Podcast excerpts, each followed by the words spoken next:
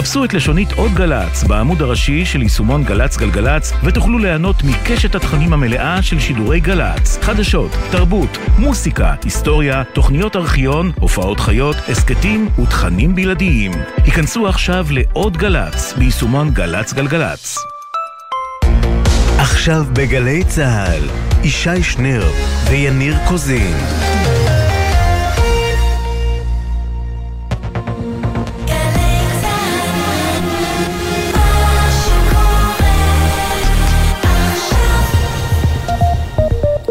עכשיו חמש בערב בגלי צה"ל, יניר קוזין, שלום. שלום לך ישי שנר. שלום שלום, יומן סיכום השבוע, אמת. שהפך גם ליומן סיכום מרץ. אחרי 30 שנה, מפלגת השמאל נמחקת מהנוף הפוליטי בישראל ולא עוברת את אחוז החסימה. הנה, יושבת ראש מרץ, זהבה גלאון.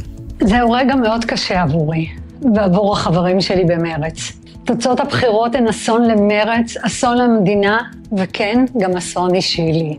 דחפתי לאיחוד עם מרב מיכאלי, ובימים האחרונים התרעתי מספר פעמים בפני ראש הממשלה יאיר לפיד, והתרענו בפני אנשיו, ושאם לא ניזהר, לא רק מרץ, אלא המחנה כולו ישלם את המחיר. אני רוצה להגיד את זה הכי ברור. האחריות היא כמובן גם עליי.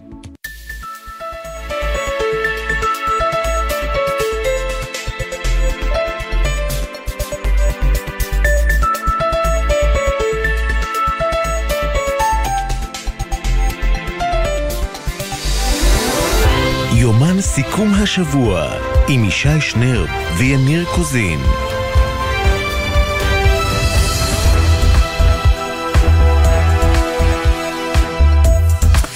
שלום לכם, אתם איתנו כאן ביומן סיכום השבוע. אה, בהחלט, בהחלט. עכשיו, בזמן טוב, מכיוון שבדיוק סיימו אה, לספור את, אה, נדמה לי, את מלוא. כמה אנחנו כבר? לא, עוד לא מלוא, נראה לי 99 נשארו איזה, נקודה כן. משהו. בסדר, נו, בחייך. איזה כמה, אולי, אתה יודע, אולי קול משפיע. אין- אין מה אתה יודע ואין לא. אה, יותר מ-99% מהקולות כבר, כן, כן. זהו, אז אה, אנחנו ממש בסוף של אז האירוע הזה. מרץ בחוץ זאת הכותרת המרכזית של הערב הזה? כן, שאפשר לומר את זה כבר באופן באופן רשמי. ודאי. אגב, אה, חסר לעשירית האחוז, אם אני כן, טועה. וגוש הימין מצטמק בעקבות 64. המעטפות הכפולות ל-64. מי מרוויח? מי מרוויח? ליברמן. ליברמן. עולה במנדט נוסף, ככל הנראה, כך, אתה יודע, נשאיר אז- את האפס אז ליברמן יהיה משהו. 6 והליכוד 32. כן, ויהדות התורה 14. יורדת במנדט אחד. כן. שזה מלכתחילה, אני חייב לומר, היה קצת לא הגיוני, המספרים של החרדים לאורך תוצאות האמת, הגיוני שקולות החיילים... עכשיו זה הגיוני? לא, שזה אז אני אומר? שתיהן ביחד, שתי המפלגות אה. החרדיות היו 16 מנדטים, קפצו ל-21, 22, כן, נכון. זה ייגמר בסוף כמה? 18. 18, כן. אמ, אז זה, זה המצב, אנחנו הולכים לממשלה, שגם צריך להגיד משהו על העניין הזה.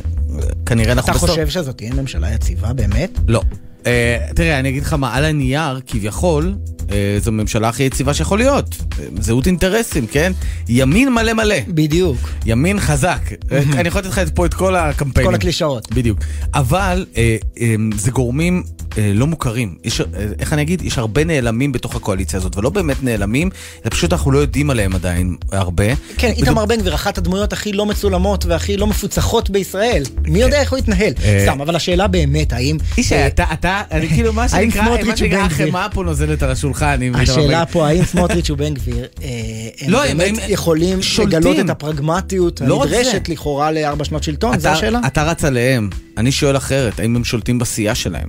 האם הם מכירים את כל האנשים שנמצאים בסיעה שלהם? האם הם יכולים לנהל אותה כאשר יש כל מיני קולות כאלה ואחרים? עכשיו, כשדיברנו על קואליציית כן. 61, אני מסכים איתך, כי יכול לבוא הרב עמיחי אליהו משיפולי רשימת הציונות הדתית, לא ולהודיע, בא. אני לא מצביע עם הקואליציה, ביי כן. נגמר. כמו שראינו בקואליציה האחרונה הרבה פעמים. נכון. והמשברים האלה בסוף הביאו לנפילתה. אבל בקואליציית 64 מנדטים, יש ל- ליריב לוין שם יהיה עם מה לשחק. יש מה שנקרא שומנים, אה, אבל אני, אני מסכים איתך, אני רק רוצה לומר שהרי בסופו של דבר אה, איתמר בן גביר הולך כאן על איזה טיקט, הטיקט שלו זה אני אעשה מה שצריך לעשות ובאופן יחסי די מהר. וכשהדברים לא יקרו, והם לא יקרו, כי אנחנו מכירים את הדינמיקה במדינת ישראל, זה ייקח זמן. גם אם בסוף איתמר בן גביר ישנה פה לגמרי את הדרך שבה אנחנו חיים, לפחות ברמה של הביטחון, זה, אה, הביטחון האישי, זה ייקח זמן. והשאלה היא איך, איך אתה מתמודד בינתיים עם הקואליציה. אני פשוט מכיר את נתניהו כבר כמה שנים. אה, אנשים אומרים, הוא ייתן לו את התיק הזה, לא ייתן לו את התיק. נתניהו ייתן את התיק, איזה תיק שהבן אדם ירצה, אבל יש לנתניהו יכולת אחר כך לשגע את השר הזה. זאת אומרת, השר חושב שהוא מגיע, מחזיק תיק, הוא שולט בו, ונתניהו יש לו יכולת וכוחות בתוך הממשלה, בעיקר עם שרי הליכוד, לסרס את אותו שר. אה, תראה, תפקיד השר. לביטחון פנים אין עוד הרבה מה לסרס, כי הוא די מסורס מלכתחילה. נכון, זה הסמכויות נכון. שלו במשטרה אוהבים להגיד שזה כמו דבורה. הוא עוקץ פעם אחת ומת. הוא ממנה מפכ"ל, ואז פחות או יותר נגמר. הוא לא מפקד המשטרה. לא, הוא לא מפקד המשטרה, הוא גם לא מורה לה שום דבר, ו- ורק אני רוצה לומר ש... ממנה ממינויים בכירים. בדיוק. נתניהו, אה, למה הוא רוצה כל הזמן להיות המפלגה החזקה? כי מפלגה חזקה, מפ- מפלגת שלטון בתוך ממשלה, יש לה עוד יכולת עם עוד שרים, גם לשלוט על שרים סוררים, ולכן איך שזה הולך להיראות זה ככה, משא ומתן קואליציוני, השותפות יקבלו כמעט את כל מה שהם רוצים, עד חצי המלכות, כי צריך להרגיע אותם. אחר כך בתוך הדינמיקה הממשלתית נתניהו כבר יפעיל את קסמו ויתחיל למתן אותם. אז בוא תחלק לי רגע את. התיקים. אה. סמוטריץ' יהיה שר האוצר או אריה דרעי? סמוטריץ', שר האוצר או אה, דרעי. או ניר ברקת? אה, טוב, ישראל כץ? תראה, שר האוצר, אה, למיטב הבנתי, סמוטריץ' מכוון לשם אה, די באופן רציני. התחיל היום קמפיין של ההסתדרות נגדו. ארנון בר דוד, יושב ראש ההסתדרות, אמר שאם סמוטריץ' יהיה שר אוצר, אנחנו אה, נראה את כוחנו, והקמפיין הזה, אני חושב, מחזק מאוד את מינוי סמוטריץ' למשרד האוצר. כן, אני גם חושב, כן, אין, אין כמו תמיכה של ארנון, או התנגדות של ארנון בר דוד כדי למנות אותך לשר האוצר בממשלה, בממשלת ימין. אה, ביטחון, יש שם גם אה, איזשהו קרב, אתה יודע, אם זה לא יהיה האוצר, אז סמוטריץ' גם דיבר על הביטחון, לעומת גלנט שגם הוא מעוניין בזה, יש לך את תיק החוץ, ישראל כץ רוצה לחזור לתיק החוץ. יש לי תחושה... אתה התחלת עם התיקים, ועכשיו אתה לא, מאבד לא, אני, עניין. אני אומר, ב, ב, לא, בהקשר הזה של התיקים, בבקשה. שיש לי תחושה שבנימין נתניהו, בתוך אה, ממשלה כזאת, ירצה מאוד מאוד מאוד, או כבר עכשיו, או לאחר מעשה, מה שנקרא, למשוך איזה גורם מרכזי יותר פנימה. אם זה בני גנץ, החשוד המיידי, אם רוצים אה, אה, להגזים בקונספירציות, אולי אפילו אביגדור ליברמן, איכשהו, אה, רע"מ, היו דברים מעולם? בהחלט, רע"מ זה יהיה נהדר. אני חושב גם. רע"מ זה... אני ו- הייתי גם שולח את יואב קיש לנהל את המשא ומתן הזה. עם רע"מ. ובסופו של דבר, בסופו של... אני, למה אני אומר ליברמן? כי אמנם הוא אמר על אה, שהשיטות של גבלס וסטלין וכולי. גבלס, הוא- אתה אומר גבלס. אבל הוא ב- בליל הבחירות אמר שהוא מאוכזב מהתוצאות ושהוא צריך לשקול את דרכו. הוא פוליטיקאי ששוקל את דרכו אחת לכמה שנים וממציא אותה מחדש.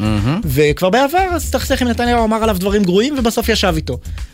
אז, כן. אז, אז צריך, יש שם אה, מפלגה באובדן, אה, אל, אלק, אלקטורט שלו נגמר פשוט. טוב, אנחנו מיד נעבור לשחר גליק שנמצא בוועדת הבחירות המרכזית. לא, בכל אופן איך זה משליך על התיקים, רק אני אה, אשלים את נכון. הטיעון. שיכול להיות שהוא ישמור את התיקים הבכירים אצלו, כדי שיהיה לו מה לתת. אהה, מה, סטייל למה שאמרו על הרצוג פעם, אה, בזמנו שהוא שומר את תיק החוץ כדי לתת לו אותו. כן, או אה, הביטחון כן. שהוא הוציא את יעלון ושם את ליברמן. זה גם יכול להיות. אגב, אה, מה שנקרא שיטת השלבים מדברת על שלב ראשון הממשלה הזאת, כי אי אפשר, מה שנקרא, לא להקים ממשל- ממשלת ימין מלא על מלא, שאתה מדבר על כך שלוש שנים וחצי, ואחר כך לעבור להצעה שלך. חשבתי שיטת השלבים זה קודם כל לספח את יהודה ושומרון, אחר כך את עבר הירדן המזרחי. יום, הסיפור הזה כבר ביום ראשון, דרך אגב. תבדוק. בציוץ של אורך. בציוץ של יונתן. אבל מה שרציתי להגיד לך זה שאם אנחנו הולכים על העניין המשפטי והטענה של לתקן את, אה, את מערכת המשפט, אז דיברתי היום עם איזשהו גורם משפטי מאוד בכיר, והוא אומר, אנחנו לא יודעים מה מהבופה הם ירימו קודם.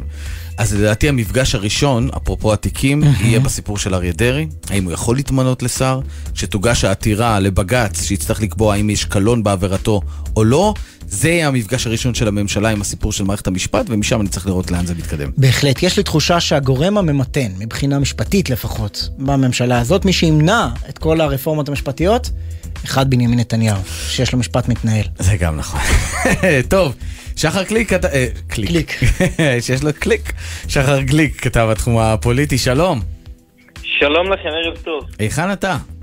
אני נמצא בפתח ועדת הבחירות המרכזית במשכן הכנסת. כאן כבר מדברים על 99.7% מהקולות שכבר נספרו. זה עוד לא הסוף, אבל זה מאוד מאוד קרוב לשם. מבחינת זמנים אנחנו מדברים על עוד בערך חצי שעה יסיימו את הספירה. עוד איזה שעה לוקח לעימותים, לבדיקה, להחלה של חוק בדר עופר. סיפור של שעה, שעה וחצי עד שוועדת הבחירות המרכזית תצהיר באופן רשמי מהן התוצאות הסופיות. במונחים של מנדטים, בואו נדבר רגע על מה שקורה שם. 64 מנדטים לגוש נתניהו, אה, כשהליכוד עם 32 מנדטים, אה, יש עתיד אה, עם 24 מנדטים, אבל יש הרבה מאוד תזוזות של הרגע האחרון שמאוד מאוד מאוד קרובות. שתי תזוזות מרכזיות אה, ש- שעשויות להכריע ולזוז ב- באפס נקודה, בשלוש עשיריות האחוז שנשאר ב- בשעה הקרובה.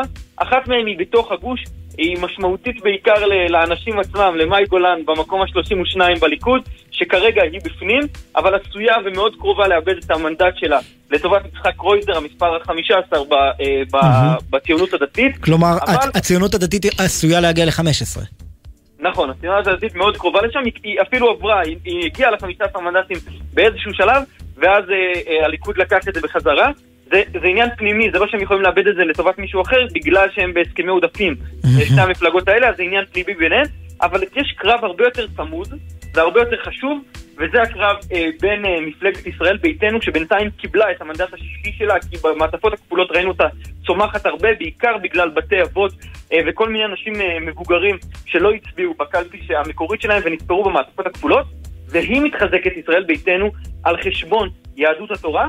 זה משמעותי גם לשר חמד עמאר שנכנס לכנסת על חשבון חבר הכנסת יצחק פינדרוס, מספר 8 ביהדות התורה, שכרגע נשאר בחוץ, אבל זה הרבה יותר משמעותי בגלל הקרב על הגוש, כמה מנדטים יהיה, תהיה לקואליציה הזאת, 64 או 65, אנחנו מדברים על באמת פחות או יותר אלף קולות מתוך עשרת אלפים שנשאר כן. לספור, זה מאוד מאוד מאוד צמוד.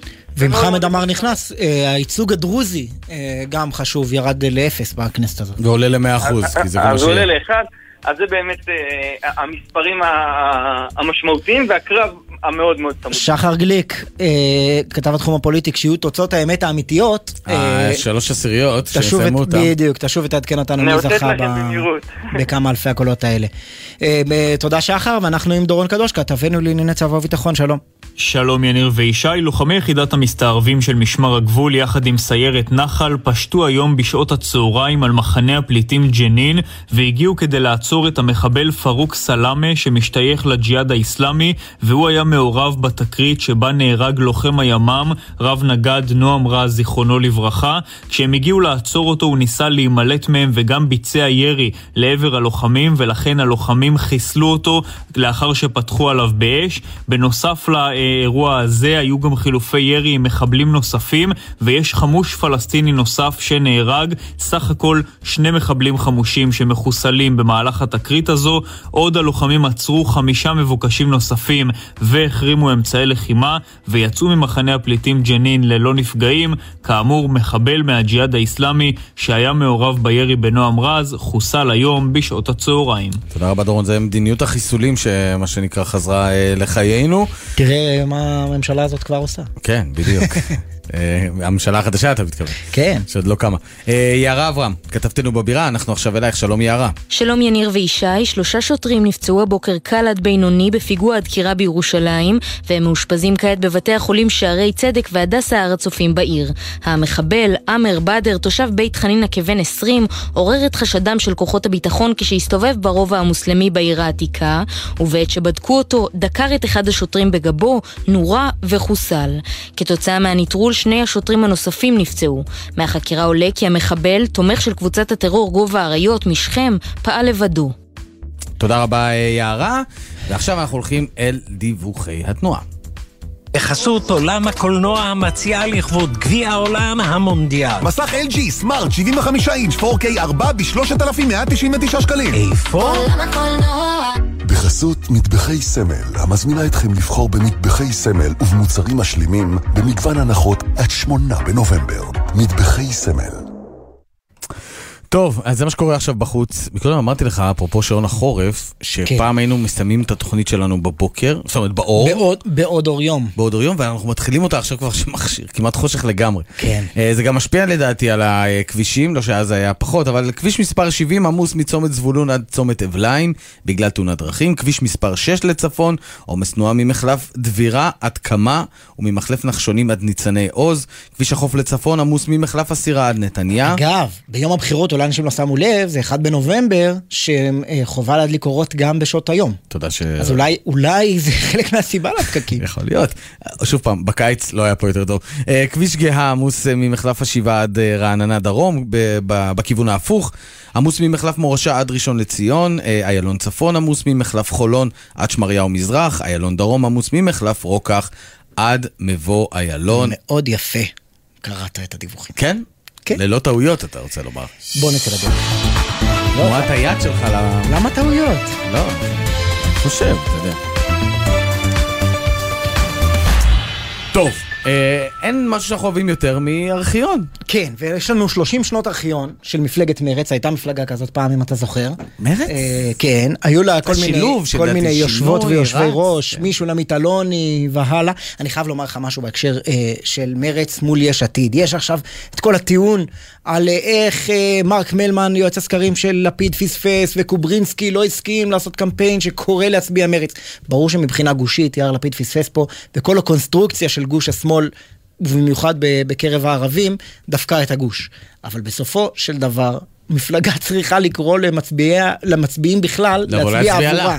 וכשמפלגה יורדת מתחת לאחוז החסימה ומתחילה להאשים את כל העולם על למה אתם לא קראתם להצביע לנו, כן. בוא, בוא נרגע. אה, נדבר על זה בהמשך, גם ויהיה איתנו גם חבר הכנסת מוסי רז, ואיתו נפתח את האירוע הזה, אבל ברשותך, הבה וניגש אל הארכיון, באדיבותו של אה, עידן קבלר, איש הארכיון של, שלנו. אה, נלך ל-1992, גאולה אבן. שנת ייסוד מרץ. שנת ייסוד מרץ, שעוד פעם, היא שילוב של שינוי, רץ, ועכשיו שכחתי את המפלגה השלישית.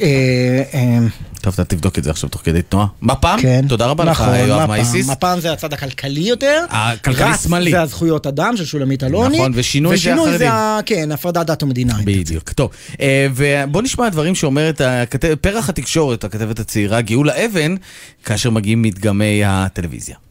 גאולה אבן במרץ, שלום כן רב, גאולה. כאן האופוריה פשוט בעיצומה. אנשים פה פשוט כבר מאושרים, פשוט מאבדים את כל, את כל הקיפאון הזה שהיה ממש לפני המדגם. הנה איתנו נמצא חבר הכנסת אמנון רובינשטיין, מספר שלוש ברשימה. אמנון רובינשטיין, אתה אה, הימרת על 12 עד 14 מנדטים. מימשת את הציפיות שלך?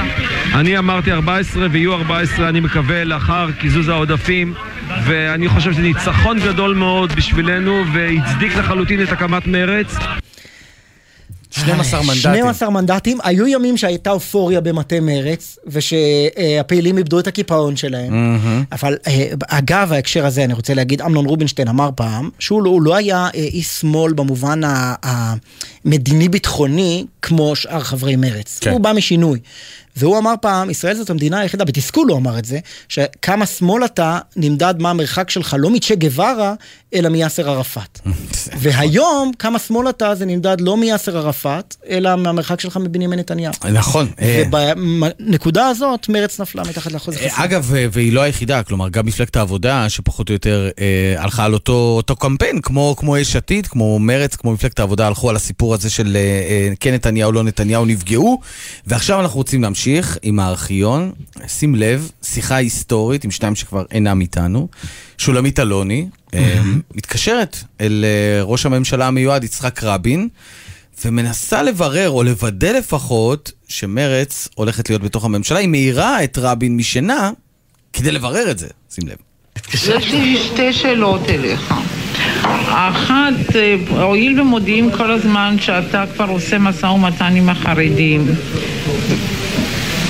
אז כדי לא לסבך דברים, אולי כדאי שתזמן אותנו לאיזה שיחה ראשונה מחר? מפני שפה מפרסמים שכבר חילקת לחרדים תיקים. ועם ש"ס כבר גומרים דברים, וזה מביך ויוצר חוסר שקט. שומעת? טוב, יצחק, זה מקובל עליי, אני מאחלת לך שינה מתוקה. אני מאחלת לך שינה מתוקה. שולמית אלוני עם יצחק רבין, 1992. למה הדבר משול? לזה שאיתמר בן גביר ירים פתאום טלפון לנתניהו ויגיד לו, אני שומע שאתה אתה מדבר עם גנץ. עם גנץ, מה נכון? קורה שם? מה קורה? אולי תזמין אותי לשיחה. זה משול בדיוק לזה. רק שנראה לי היוצרות התהפכו, איתמר בן גביר נסע לחופשה באילת כן, וחפשו אותי מה שנקרא. עושה- אביגדור ליברמן בווינה, מה שנקרא. כן, בגרסתו. בגרסתו שלו. אה, טוב, אנחנו אה, רוצים להמשיך ולדבר על מרץ, שבכל זאת, אתה יודע, אנחנו ככה צוחקים והכל וזה.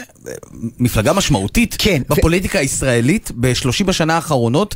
אגב, שהצליחה גם להכניס לא מעט אה, מונחים לתוך הפוליטיקה הישראלית. בהחלט, חד משמעית, ואתה רואה את התהליך, אה, אני אתן את הקרדיט, עמית סגל, אה, מעלה היום את, הנת... את המספר המנדטים של הימין, המרכז והשמאל מאז 1992, ייסוד מרץ. מרכז אז היה אפס מנדטים, לעומת זאת 59 לימין, 56 לשמאל הציוני. היום אנחנו ב-65 לימין, הימין אה, גדל. מהמם. המרכז מ-0 ל-41 מנדטים ב-30 שנה. והשמאל הציוני היום בכנסת הקרובה, ארבעה מנדטים. כן, אגב, גם מרכז, זה, זה אומנם מרכז, אבל זה ביידיש אומרים נשתהר נשתהר. זאת אומרת, זה לא, מעט, לא ממש שמאל, וזה לא מאוד ימין, וזה, והרבה הרבה יותר ישראלים מרגישים נוח בהגדרה הזאת ב-2022. נכון, כל המטוטלת זזה, וגם המערכת הפוליטית, ולא פלא שהמפלגה ששמאל זה מרץ, מצאה את עצמה מתחת לאחוז החסימה. אה, מה שנקרא ראי הימים האלה. אה, עכשיו רוצים לומר שלום לאחד שנמצא שם לא מעט שנים, היה ויצא לא פעם ולא פעמיים. חבר הכנסת מוסי רז ממרץ, שלום. שלום זה אנחנו. על זה אני אתגעגע. אתה יודע שאני יודע לעשות חיקוי של מוסי אומר שלום זה אנחנו. קדימה. שלום זה אנחנו. מוסי רז. טוב. אה, אחרי שצחקנו, מה שנקרא. בדיוק. מרץ סיימה תפקידה ההיסטורי? אני לא יודע אם אה, אפשר להגיד כך, אבל אני חושב שצריך אה, קודם כל להודות ליותר מ-150 אלף איש שהצביעו מרץ. אנחנו חייבים להם לייצג אותם אפילו שאנחנו לא בכנסת, והמטרה, אני חושב, חייבת להיות שמרץ תהיה מעורבת יחד עם גורמים אחרים, יחד עם מפלגת העבודה וגורמים נוספים, בהקמת מו"ל חדש, ערבי-יהודי, מהפריפריה ומהמרכז, נשים וגברים, שמקדמים את הערכים שלנו. איפה הייתה הטעות? אני חושב שדווקא הייתה טעות. אה, אני חשבתי שצריך אה, להוריד את אחוז החסימה ההזוי והגבוה, והגשתי הצעת חוק כזו, לצערי זה לא התקבל, אם היה קורה. לא התקבל על ידי לא ראש הממשלה יאיר לפיד, צריך להגיד. אני לא בטוח שהוא היה היחיד, אבל כן, ראיתי את הפרסום בארץ, אני לא בטוח שהוא היה היחיד. אמ, אני חשבתי שצריך לחבור למפלגת העבודה, כולנו חשבנו במרץ, זה גם לא קרה. אז הטעות הייתה של מרב מיכאלי שסירבה לאיחוד הזה? אני לא חושב שזה יום להטחת האשמות. או, אנחנו כבר ביומיים של הטחת האשמות בלתי פוסקת במחנה שלך. אני אה, ביומיים האלה לא הטחתי האשמה באף אחד. אני חושב שפניי לעתיד, אה, פניי לצעירים וצעירות שיובילו את מה שאמרתי, את העבודה. אבל, אבל, אבל אני שואל את עצמי, הקהל שלכם, רק בשנה שעברה הרי היו בחירות ב-2021, והצביע לכם, הצביעו לכם יותר מ-200 אלף איש. עכשיו פחות מ-160 אלף. למה? נכון. אני חושב שראשית, אה, פעם קודמת, בפעם הקודמת היו כאלה שבאו, שהם, שהם פחות מרץ, באו לוודא שמרץ תעבור, כי היה שדר אה, מכולם, אה, שצריך, חובה שכל המפלגות תעבורנה. והפעם היה גם קמפיין מפלגה גדולה, היו, הייתה הרגשה אחרת, ברור שהקהל הזה שעבר רובו הגדול נדד ליש עתיד. אגב, לא כולו, יש כאלה לעבודה, יש כאלה לחדש, אבל רובו הגדול נדד ליש עתיד. כן, כמעט 50 אלף איש. אמ, מוסר, אנחנו מסתכלים החוצה, מה קרה? בוא נסתכל על המפלגה עצמה, על מרץ. אה, זה קצת מתחבר לשאלה הראשונה של ישי, אבל יכול להיות שכבר אין לכם באמת מה למכור, אה, וגם אם כן, אין מי שקונה את זה? מה שאתה יכול להגיד זה שאולי אנשים לא רוצים לקנות. לקנות. אה, תראה, 아, לא, אבל, מוסי, אתה, יודע, ואנחנו דיברנו על זה לא פעם ולא פעמיים, שמרץ הייתה במקום מאוד מסוים לפני 30 שנה, עת נכנסה לכנסת, ובמהלך אפילו 20 השנים הראשונות, ובחמש, שש, שבע שנים האחרונות היא קצת נטשה את הסיפור של הכיבוש והסיפור המדיני, ואת עניין הזכויות, והלכה יותר על העניין הפוליטי הפרסונלי על נתניהו, וזה פשוט, אתה יודע, בן אדם שנעמד מולכם ומול יש עתיד, יש עתיד יותר נוצצת. אני חושב ששם זה יותר בולט העניין של נתניהו, אבל אה, כך או אחרת, אני חשבתי שאתה רוצה להגיד דבר אחר שיכול להיות יותר נכון. אה, מרצ ב-92 אמרה דברים שכשהיא אמרה אותם היא הייתה יחידה, והיום ימצאו אותם מפלגות רבות. היא אמרה שתי מדינות ב-92 בזמן שרבין התנגד לזה, אה, ובעצם מלבד חד"ש הייתה המפלגה היחידה שאמרה את זה היום. אה, גם העבודה אומרת את זה, וגם יש עתיד, וגם אה, כחול לבן, אני בכוונה אומר כחול לבן ולא מחנה הממלכתי, כי גדעון סער לא אומר את זה. אפילו אגב נתניהו אמר את זה, וליברמן אמר את זה, זאת אומרת זה כבר אה, נכון שזה לא, שכשהם אומרים שתי מדינות זה לא אותו דבר ממה ש... אבל אתה יודע מה, יכול להיות שכשאתם, בדיוק, כשאתם אמרתם התכוונתם, ואצלם זה כבר נהיה סלוגן מן השפה אל החוץ. עצם זה שזה נהיה סלוגן, מוכיח שהם מבינים שהציבור חושב שזו הדרך להבטיח ביטחון למדינת ישראל, זו הדרך אה, המוסרית כן, אה, למרות שסקרים עדכניים מראים שרוב הציבור לא תומך בשתי מדינות לשני עמים, אבל לא ניכנס ו- לחדר הזה כרגע. עובדה שהם... מה- מה שהמהות של ש- השאלה של יניר, אני חושב, היא שמרץ מזוהה עם כל מיני דגלים. כמו שאתה אומר, יותר אפילו מ- מיש עתיד למשל. עם הדגל של שוויון, עם הדגל של עיסוק בנושא הפלסטיני, עם הדגל הסוציאליסטי בכלכלה. ואת כל הדגלים האלה קצת קיפלתם כדי לשבת בממשלה ביחד עם אנשים כמו נפתלי בנט וגדעון סער. ויכול להיות שהציבור אומר, אוקיי, אם האידיאולוגיה היחידה ששולטת זה רק לא ביבי, אנחנו נלך למקור. אני לא חושב שזה, הניתוח שלך הוא לא רחוק מהאמת, אבל אני לא חושב שכך רואה את זה הציבור של המצביעים שלנו. אה, אגב, אנחנו גם קיפלנו הרבה מהדגלים שלנו כשישבנו עם אה, רבין זכרו לברכה, עם פרס זכרו לברכה, עם ברק שייבדל לחיים אה, ארוכים, זאת אומרת, אה, גם שם קיפלנו חלק מהדגלים, כי בקואליציה מקפלים חלק מהדגלים. שני, שני יושבי ראש מרצ התפטרו מתפקיד שר החינוך בגלל דרישה של ש"ס. לא, אחת התפטרה בגלל דרישה של ש"ס, והשני התפטר בגלל דרישה של עצמו. כן, אבל בעקבות מחאה נמרצת של הרב עובדיה. נכון, אבל uh, חשבתי אז, בזמן אמת, uh, שלא צריך לעשות את זה. אני חושב עד היום שזו הייתה טעות, לא שאתה יודע, יש כאלה שאומרים טעות היסטורית, אין לטעות הזו חשיבות היסטורית, אבל הייתה טעות. Uh, תשמע, מי ש- אתה- אתם מדברים, צריך לתת מראה מקום, מדברים על ממשלת אה, ברק. מדברים על יוסי שריד, כן, ממשלת ברק. אבל בסדר, בוא נלך... אתה לקחת לשם, בכל זאת אנשים נכון. מקשיבים, לא כולם זוכרים את אה, יוסי שריד נכון, אבל בממשלת ברק. כשבא, כשבא היו- הערב מוסי רז אלינו לשידור ואומר, המסקנה אולי מכל האירוע הזה, היא שצריך להקים איזה מפלגה חדשה של שמאל, משותפת עם העבודה. אה, אתה יודע מי אמרה את זה? מי? אתה צייצת את זה במקרה היום. אה, מי אמרה שמרצ סיימה תפקידה? מרצ לעשות- ההיסטורי. וצריך לעשות אה, ממשלה, וצריך לעשות מפלגה אחת שמאל, זאת אה, יושבת ראש מרץ, זהבה גלאון, כבר לפני שלוש שנים. אה, כלומר, הדבר הזה הוא קיים, הבעיה היא שהיו פה אה, כנראה, אה, חבר הכנסת רז, כוחות שלא רצו לעשות את זה, ואתה יודע, אנחנו מסתכלים על מרב מיכאלי, וראיינו כמה פעמים את זהבה גלאון, והיא אמרה, מרב לקחה כאן איזשהו הימור. אתה היית מצפה מיאיר לפיד כמנהיג הגוש, כן להצליח לחבר את כולם ביחד, משהו שהוא לא עשה? חוץ- אני לא, אה, תראה, אני שוב, אני לא רוצה לעסוק בהאשמות, זה לא מעניין אותי, מעניין אותי לדבר על העתיד. מעניין אותי לראות איך אנחנו מייצרים משהו שיסחוף אזרחים בישראל. אה, הרי למה עכשיו אזרחים נסחפו לקיצון הימני? כי הוא הציע פתרון למה שהכי מטריד את הישראלים כשהם הולכים להצביע. אני לא אומר שזה דווקא מטריד, נאמר, יותר מיוקר המחיה, אבל כן גורם להצבעתם, וזה שאלת הביטחון. זה תמיד הסיבה העיקרית. אה, ויש כאלה שמאמינים שמה שלא נפתר בכוח רב ייפתר ביותר כוח. כן. אנחנו לא שותפים לזה. אנחנו מציגים תוכנית מדינית שיכולה אה, להתמודד עם הבעיה עם פחות כוח, אבל עם הרבה יותר נכונות לדבר ולהתפשר. וזה מה שאנחנו צריכים, אה, הרבה דברים אנחנו צריכים להציג מולם, אנחנו המפלגה הסביבתית ביותר בכל המחקרים שבדקו, תוכנית חברתית, אבל הדבר העיקרי, אנחנו צריכים להתמודד עם המצוקה הזו של האזרחיות והאזרחים, ולהאמין להם תוכנית שבאמת... אה, אה, היא מגנה עליהם ומסיקה להם את אותו ביטחון שהם אני לא לא אבקש ישיגו ממך אותו לשטוח עכשיו את התוכנית. המלאה, אבל מה אתה יכול... התוכנית אה, פחות או יותר ידועה אגב. לא, אבל אתה אומר סיום. הכיבוש יביא לסיום האלימות. הסכם, הסכם, תוך כדי הבנה, תוך כדי שיתוף פעולה עם הפלסטינים. כן, זה מה שאני אומר. זה לגמרי מה שאני אומר, אני לא מתבייש בזה. אבל, אבל כולם ידעו שזה מה שאתה אומר, וזהבה גלאון מייסדת בצלם, הייתה מספר אחת ברשימה שלך, אתה מספר שתיים, והנה, נפלתם מתחת לאחוז החסימה. כולם ידעו, ולכן אני חושב שהפורמט אה, צריך להיות יותר גדול, הוא צריך להיות יותר ברור, והוא לא צריך לעסוק רק בנושא הזה, אבל הוא צריך לתת את התשובה הזו.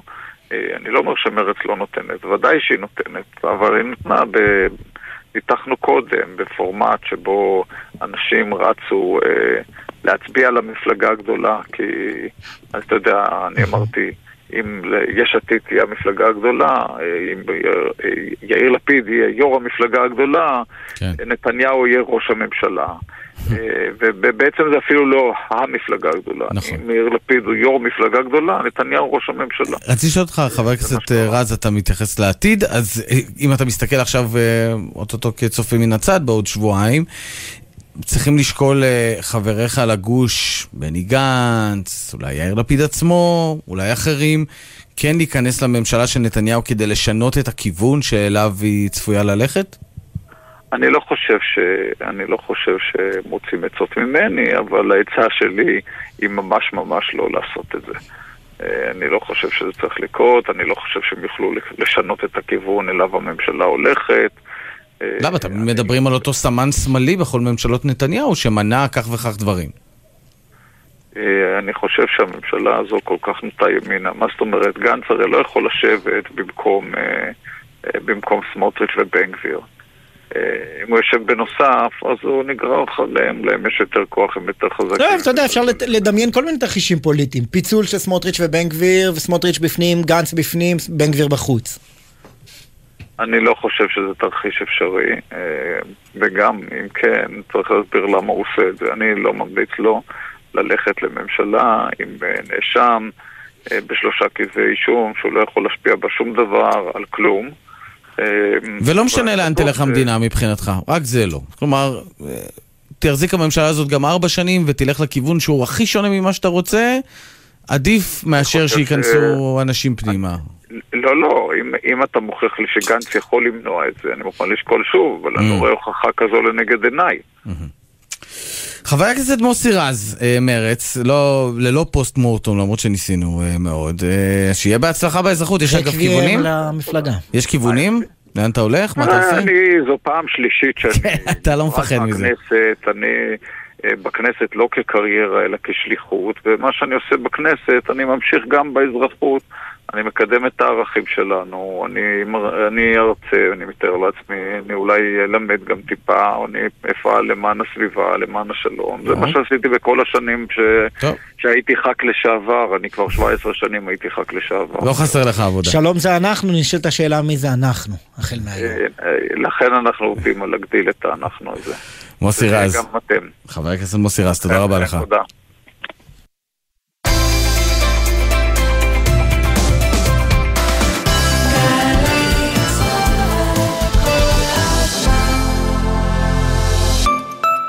ממשלת ישראל מודיעה בתדהמה, בצער רב וביגון עמוק, על מותו של ראש הממשלה ושר הביטחון יצחק רבין. לציון יום השנה לרצח ראש הממשלה יצחק רבין, המוזיאון הישראלי במרכז רבין פותח את שעריו לקהל הרחב חינם מ-2 בנובמבר עד 10 בנובמבר, מ-3 עד 7 בערב, להזמנות כוכבית 4585. עכשיו בגלי צה"ל, ישי שנר ויניר קוזין. הנה כי שבנו, ועכשיו, בשלב הזה, אני... אתה מביא לנו בפרסום ראשון, כן. דברים שקורים בתוך מפלגה אחרת דווקא, המחנה הממלכתי. כן, אני חובש את כובעי עכשיו ככתב, וקודם כל, הערת סוגריים, או יותר נכון מסגור, של הדיווח, במחנה הממלכתי התחילו במשחק האשמות על הנתונים הלא טובים שיצאו בבחירות האלה, הם קיוו להיות במקום הרבה הרבה יותר שתי טוב. שתי מפלגות שקיבלו שמונה מנדטים בכנסות הקודמות, התאחדו וקיבלו ביחד 12. כן, זה נכון לרגע זה, רגע לפני סגירת הקלפיות, ואגב יש שם שלוש סיעות. וההאשמות האלה מובילות לתחושה או למחשבה או להבנה שהזיווג הזה בין כחול לבן לבין תקווה חדשה ככל הנראה לא יאריך ימים. עכשיו, לסיפור עצמו. בין כחול לבן לבין תקווה חדשה חילקו את העבודה שלהם במהלך הקמפיין האחרון. Mm-hmm. כחול לבן הייתה אמונה בעצם על הקמפיין עצמו, על ההסברה, על כל מה שראינו במהלך החודשים האחרונים. תקווה חדשה הייתה אמונה על השטח, הוצאת הפעילים החוצה וכן הלאה, כן. ובין היתר על היום החשוב ביותר, שזה יום הבחירות. עכשיו צריך להסביר, מפלגות שולחות נציגים אל תוך הקלפיות, לא רק בגלל שהם רוצים לראות את תואר הבחירות, אלא בגלל שהנציגים בתוך הקלפיות, הם גם יושבים על הרשימות. והרשימות האלה הן רשימות של בין היתר גם אנשים שאמורים לבוא ולהצביע למפלגה, שיודעים שהם או, מת... כן. או מתנדנדים וכן הלאה. חשיבותו של אדם כזה בתוך הקלפי עבור מפלגה יכול לשנות ולהעביר לא מעט קולות או להמריץ את הקולות האלה, אלא שבאותו יום, כך טוענים גורמים בכחול לבן שאנחנו משוחחים איתם, הם אומרים לנו בתקווה חדשה התפרקו לגמרי ביום הבחירות, לא תפקדו כמו שצריך. כמה ימים לפני הייתה תקלה במחשבים, לא רשמו את האנשים שצריכים להגיע לקלפיות כמו שצריך, במצב שאפילו אה, ישי ויניר מגיעים אל הקלפי, שאומרים לנו שאנחנו צריכים לעבוד, ופתאום שנינו רשומים בה, באותו קלפי, ולכן שנינו נשלחים הביתה. אין בכלל נציג של תקווה חדשה. אגב, אני הסתובבתי קצת בקלפיות ביום הבחירות, ראיתי דוכנים של הרבה מפלגות, באמת של המחנה הממלכתי לא ראיתי, אבל תן לי לשאול אותך שאלה. כן. אני האזנתי לבני גנץ בליל הבחירות, ליל המדגם, עולה ונואם לפעילים, הוא אמר כמה משפטים כמו אה, הרעיון, הרעיון שלנו ממלכתי ונכון. on אבל הוא גם אמר שהשותפות עם גדעון סער הוא הביא המון ניסיון אה, אה, פוליטי ועבודה משותפת והיא תימשך. כן, זה, זה מה שאמר בני גנץ, השאלה היא באמת מה קורה באופוזיציה, זאת אומרת, מה, מה חשיבות החיבור הזה באופוזיציה. בממשלה היית יכול להבין, בקמפיין היית יכול להבין, בסוף זה חיבור שהיה צריך למקסם גם את, ה, את, את שתי המפלגות, וכמו שאמרת נכון, זה רק הוריד להם ביחד, ולכן הקולות האלה נשמעים, וזה מעניין שזה מגיע דווקא ביקורת מתוך כחול לבן על תקווה חדשה, שהייתה אמונה כאמור על השטח, יש טענות גם הפוכות. אה, ניתן את התגובה של המחנה הממלכתי על הדברים האלה, אנחנו מודים ללמעלה מ-400 אלף איש שהצביעו למחנה הממלכתי בראשות בני גנץ, האמינו בדרך שלנו, שכנעו, המריצו ופעלו לטובת יצירת אלטרנטיבה שלטונית ראויה בישראל. נמשיך לפעול עבורם גם כאופוזיציה אחראית וממלכתית. כל טענה באשר להתנהלות המפלגות אינה נכונה ובגדר רכילות. נושא כתבי המינוי, שזה בעצם כתבי המינוי הכפולים, כמו שאמרנו, ששני אנשים הגיעו לאותה קלפי ובסוף שניהם נשלחו הביתה, נמצא עדיין בשלבי בדיקה, כלומר הסיפור הזה היה גם היה מבחינת ההתנהלות. במחנה הממלכתי מכחישים את הפירוק, כמו שאתה אומר, כן. אני שומע יותר ויותר קולות שאומרים, אין לנו באמת מה לעשות ביחד.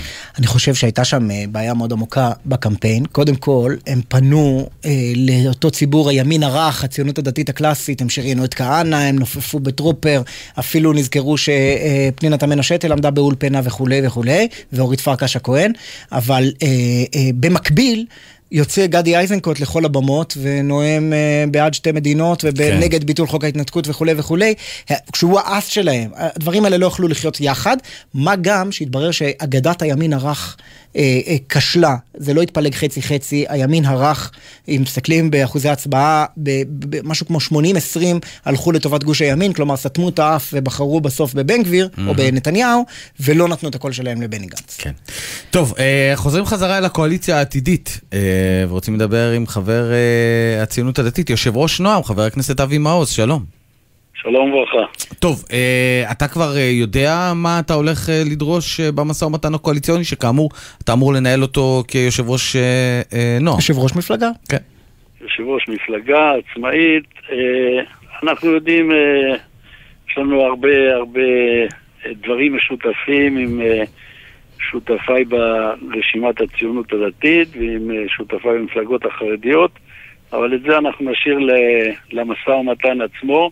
דרך אגב, ראיתי כל מיני פרסומים שכבר הבטיחו ולא הבטיחו אה, איתנו, אה, עוד לא מדברים, אני מבין שהמשא ומתן יתחיל אה, מיד בתחילת שבוע הבא. רגע, אבל כש, כשנתניהו עושה את השיחה שלו לכל ראשי המפלגות בגוש, אתה גם על הקו, נכון? הייתי על הקו, כן.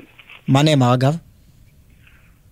אה, שאנחנו... אה, נמתין, וכל אחד אה, ימריץ את המשקיפים שלו שפזורים ברחבי הקלפיות, לבדוק נגד זיופים, אנחנו רוצים לקבל תוצאות אמת, אנחנו רוצים לקבל את התוצאות האמיתיות של הבחירות, ושחלילה לא יהיו זיופים, וזו המרצה טבעית ו... אז זאת הייתה כל השיחה? שיח על ספירת הקולות?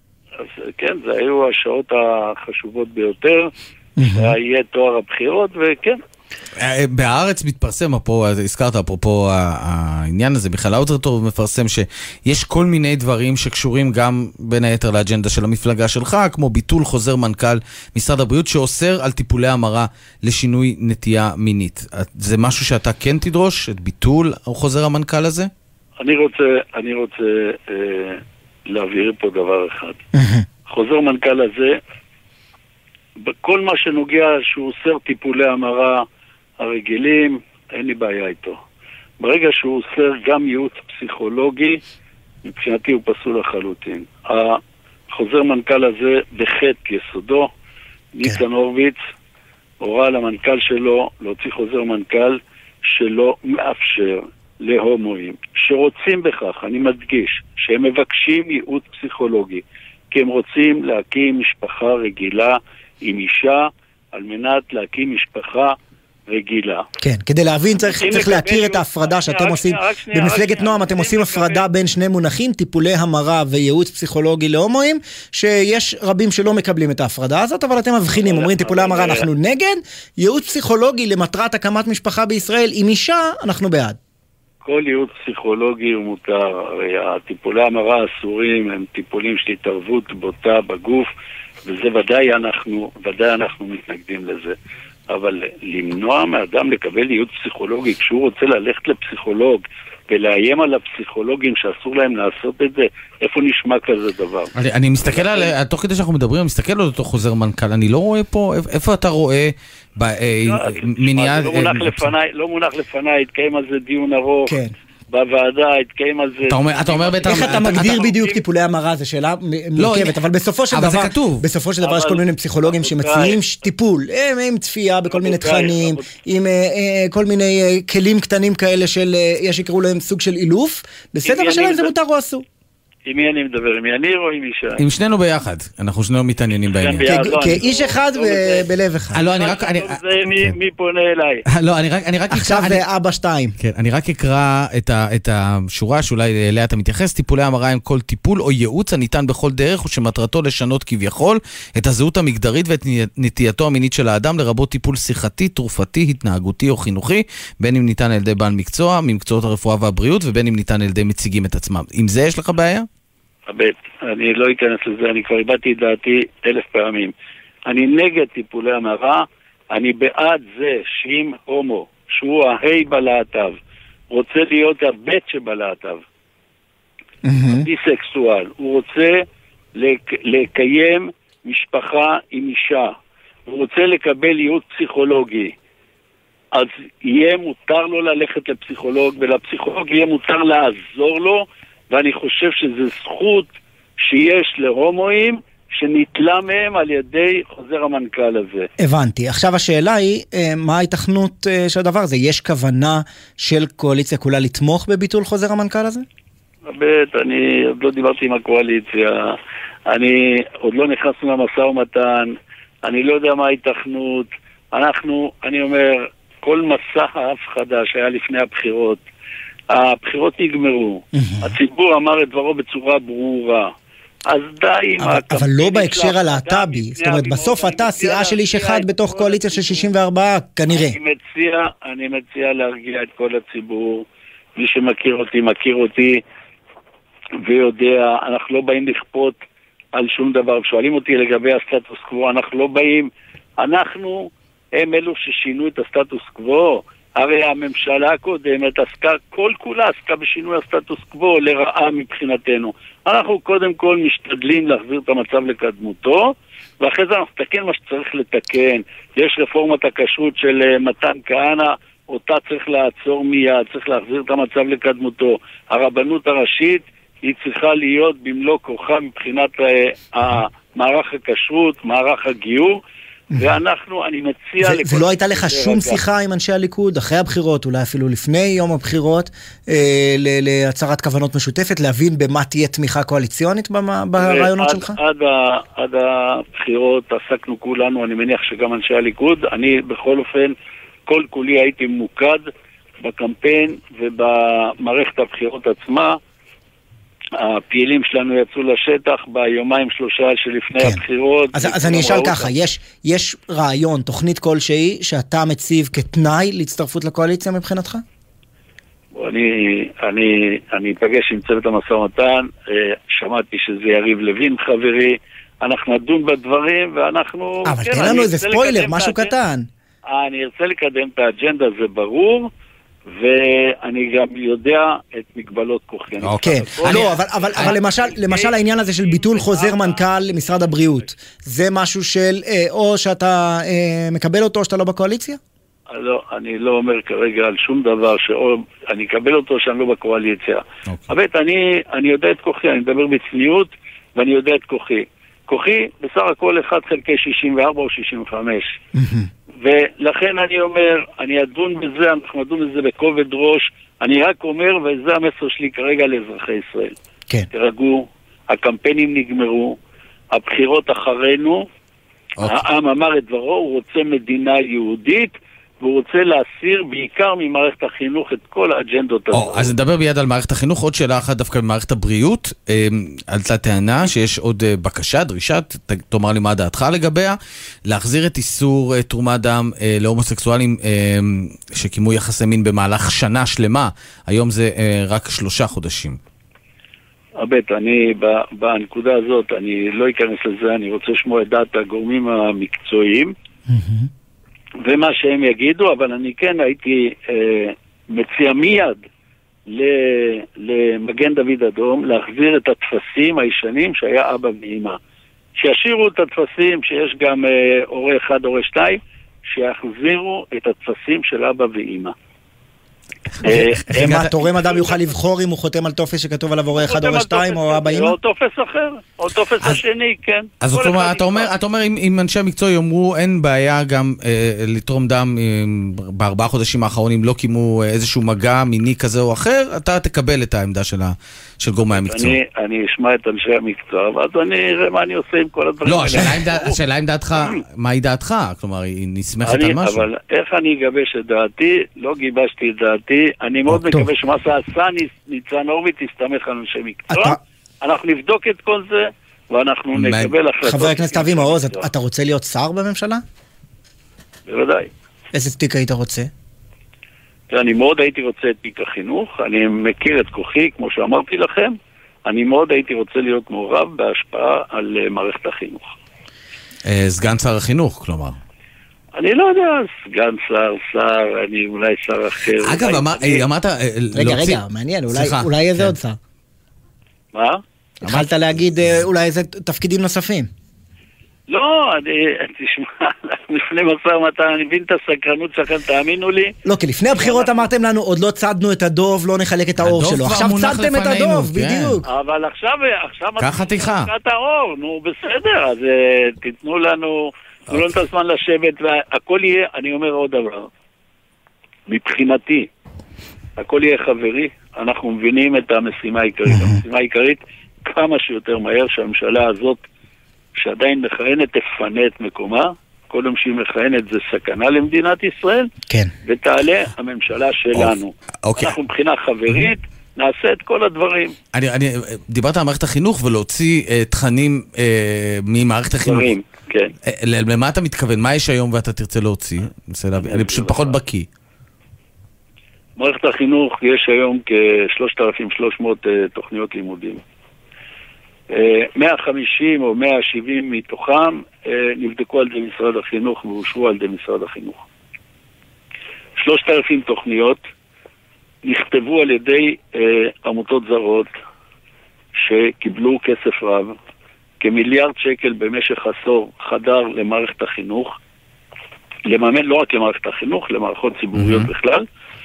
אה, יש מכון מנדל שמכשיר אה, את הפקידות הבכירה במשרד החינוך, כבר עברו אצלו כ-470 או 500 אה, מהפקידות הבכירה של משרד החינוך, עברו הכשרה של קידום מדינת ישראל אוקיי. לקראת היותה מדינת כל אזרחיה, ואני חושב שצריך להחזיר. רגע, אבל מכון מנדל זה כסף של אה, שלושת האחים מנדל, מורטון ואחיו, הם היו יהודים בסדר, דווקא. ואיך הם קשורים, ואיך הם קשורים בסדר, אבל איך הם קשורים, מה עם משרד החינוך? משרד החינוך זה של הממשלה. לא, אבל תן לי, לא, דוגמאות, לתוכניות. הרי, אבל אה, אתה מרשה לי שאני בעמותה הפרטית שלי, מהכסף של שלושה אחים יהודים אחרים, אנחנו נכתוב תוכניות לימודים על יהדות? לא, זה לא קיים.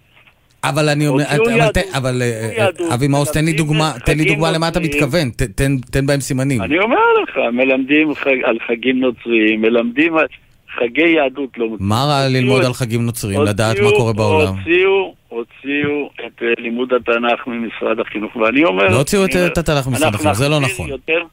אנחנו נחזיר יותר מסורת, אנחנו נחזיר יותר יהדות, אנחנו נחזיר יותר... מה הבעיה. ללמוד על אה, חגים נוצרים? אני מנסה להבין. זאת אומרת, לדעת שיש גם חגים נוצרים, זה לא מקטין ולא מוריד משום שום דבר ביהדות. בסדר, אם, אה, אם אה, לך, אם אתה יודע את החגים הישראלים, את היהדות שלך, את המורשת שלך, עכשיו תשמע, הפנייה אליי הגיעה מהורים שהם לא, הילדים שלהם לא לומדים בחינוך הממלכתי-דתי, לומד- הילדים שלהם לומדים בחינוך הממלכתי הכללי. והם אלו שפנו, והם אלו שזועקים את זעקתם, והם אלו שרוצים להסיר את כל הדברים האלה ממערכת החינוך, ואני חושב שבעניין הזה הממשלה הבאה, אני מאוד מקווה, לא יודע מי יהיה שר החינוך, אני חושב שצריך, עוד פעם, בהבנה ובחברות, אנחנו חושבים צריך לנקות את המערכת מאותם שלושת אלפים תוכניות לימודים, שאתה יודע מה?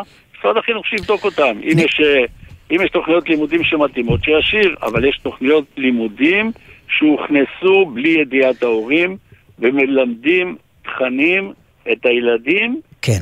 שההורים לא מסכימים להם. חבר הכנסת אבי מעוז, אני לא יודע כמה אתה גולש בטוויטר, אבל uh, אם היית, בטח היית רואה ביומיים האחרונים הרבה מאוד, uh, נקרא לזה אנשים צייצני שמאל, או אנשים שהם יותר משויכים למדינת תל אביב, נמצאים בחרדה אמיתית מהממשלה שאתם הולכים להקים, מהדיבורים שלך, מהדיבורים של איתמר בן גביר, ושל בצלאל סמוטריץ', ושל uh, חברי הליכוד, וכבר, אתה יודע, כל מיני בדיחות על זה שהנה הומואים הולכים להתחבא בעליית הגג כדי שלא יכריחו אותם לעשות טיפולי המרה, ומה יהיה עם זכויות הנשים וכולי וכולי. אני מנסה לא לזלזל בפחדים של אנשים, אני תוהה מה אתה רוצה להגיד לא, לאותו ציבור שבאמת חרד מהממשלה שעומדת לקום, שמרגיש שהוא במיעוט הולך ו, ומתמעט במדינה הזאת. תראה, אני אומר עוד פעם, ואני פונה לאותם אנשים, באמת אין לכם מה לדאוג. זה נשמע רע, אה. זה מפחיד. רק רגע, רק רגע, באמת אין לכם מה לדאוג. אני מודה ומתוודה שאני לא גולש בטוויטר, ואין לי מכשיר שמאפשר לי גלישה בטוויטר. אבל הראו לי ואני ראיתי ציוצים של אנשים שהם בעצמם, אה, הם בעצמם אה, הומואים או שהם אה, לסביות כמו שפי פז. היא אמרה, נפגשתי עם אבי מעוז כבר כמה פעמים, הוא לא הציע לי שום טיפול. ואני אומר עוד פעם, שום דבר לא יהיה בכפייה. בוודאי אנחנו לא, אני נגד טיפולי המרה. תרגיעו, הקמפיין ההפחדה הזה הגיע לסיומו. תבחנו אותנו בעוד שנתיים. תגידו, אם באמת אתם חושבים שאנחנו עשינו דברים כאלה נוראים, או שתראו שבסופו של דבר, נכון, האג'נדה שלנו ניצחה בבחירות. נכון, בבחירות העם אמר שהוא רוצה מדינה יהודית. נכון, העם אמר שהוא רוצה זהות יהודית. נכון, לא כל העם. אה, רוב העם, אה, וגם זה לא. אבל אני רוצה לשאול אותך, סליחה. אנחנו חייבים- לסיים, אני חייב לשאול, נגיד, בהסכמה היית רוצה למשל לשנות את האופן הזה שיש מצעד גאווה בירושלים, או שזה דבר, נגיד, שפחות מפריע לך?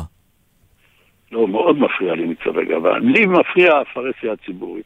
אני חושב שבפרהסיה הציבורית, מי, מי, מי, מי עושה בפרהסיה הציבורית מצעד שכל כולו פרובוקציות? אתה רואה את המצעדים, איך שהם נעשים. גם עכשיו, בתל אביב מבחינתך שאתה פרובוקציה? רק רגע, רק רגע, רק רגע, תן להשלים את זה. מה שאתה עושה בביתך הפרטי, אני אמרתי את זה אלף פעמים ואני אחזור על זה. מה שאדם עושה בביתו הפרטי זה עניינו הפרטי, לא מתכוון להתערב ברמה הפרטית, זה ודאי שלא. אבל אני, אני, שואל, אני בדיוק שואל על זה, על הרמה הציבורית. ככל שכוחך יאפשר לך, בשיתוף אולי עם המפלגות החרדיות, לבטל את מצעד הגאווה בירושלים, אולי אפילו בתל אביב, זה משהו שהיית שואף לכיוונו? אנחנו נבחן גם את זה מבחינה משפטית. כן, אני חושב שאנחנו צריכים אה, מצעדים כאלה שהם פרובוקטיביים והם פוגעים בי. כולם אומרים לי, אתה זוכר בזמנו אה, איזושהי תנועה, היא שמה שלט על מלון ב- בירושלים. והשלט הזה אמר, אבא פלוס אימא שווה משפחה, והורידו את זה. למה? כי מישהו נפגע מזה. אתה יודע כמה פוגע בי מצעד גאווה שהוא בירושלים? אתה יודע כמה אני נפגע? אני אביב? תושב ירושלים. בתל אביב אתה חושב שזה פרובוקציה לעשות מצעד כזה? אני לא יודע, אני לא מדבר על תל אביב. בואו נתחיל בירושלים. בירושלים. תשבו ברגשות שלנו. אתה יודע כמה זה פוגע בנו? זה פוגע בנו, ואני... אתה יודע, יושב we take Manhattan, then we take ברלין, זה ה... אתה יודע כמה זה פוגע באנשים עכשיו שמקשיבים לך ואומרים שעצם ההבעה של הזהות המינית שלהם במרחב הציבורי זאת פגיעה בעיניך? זה גם מאוד פוגע בהם. לא, אבל מה, אתה יודע שיש חוקים, אתה יודע שלאדם אסור ללכת ערום ברחוב. מה פירוש? הרי יש גבולות. אין מדינה ללא גבולות.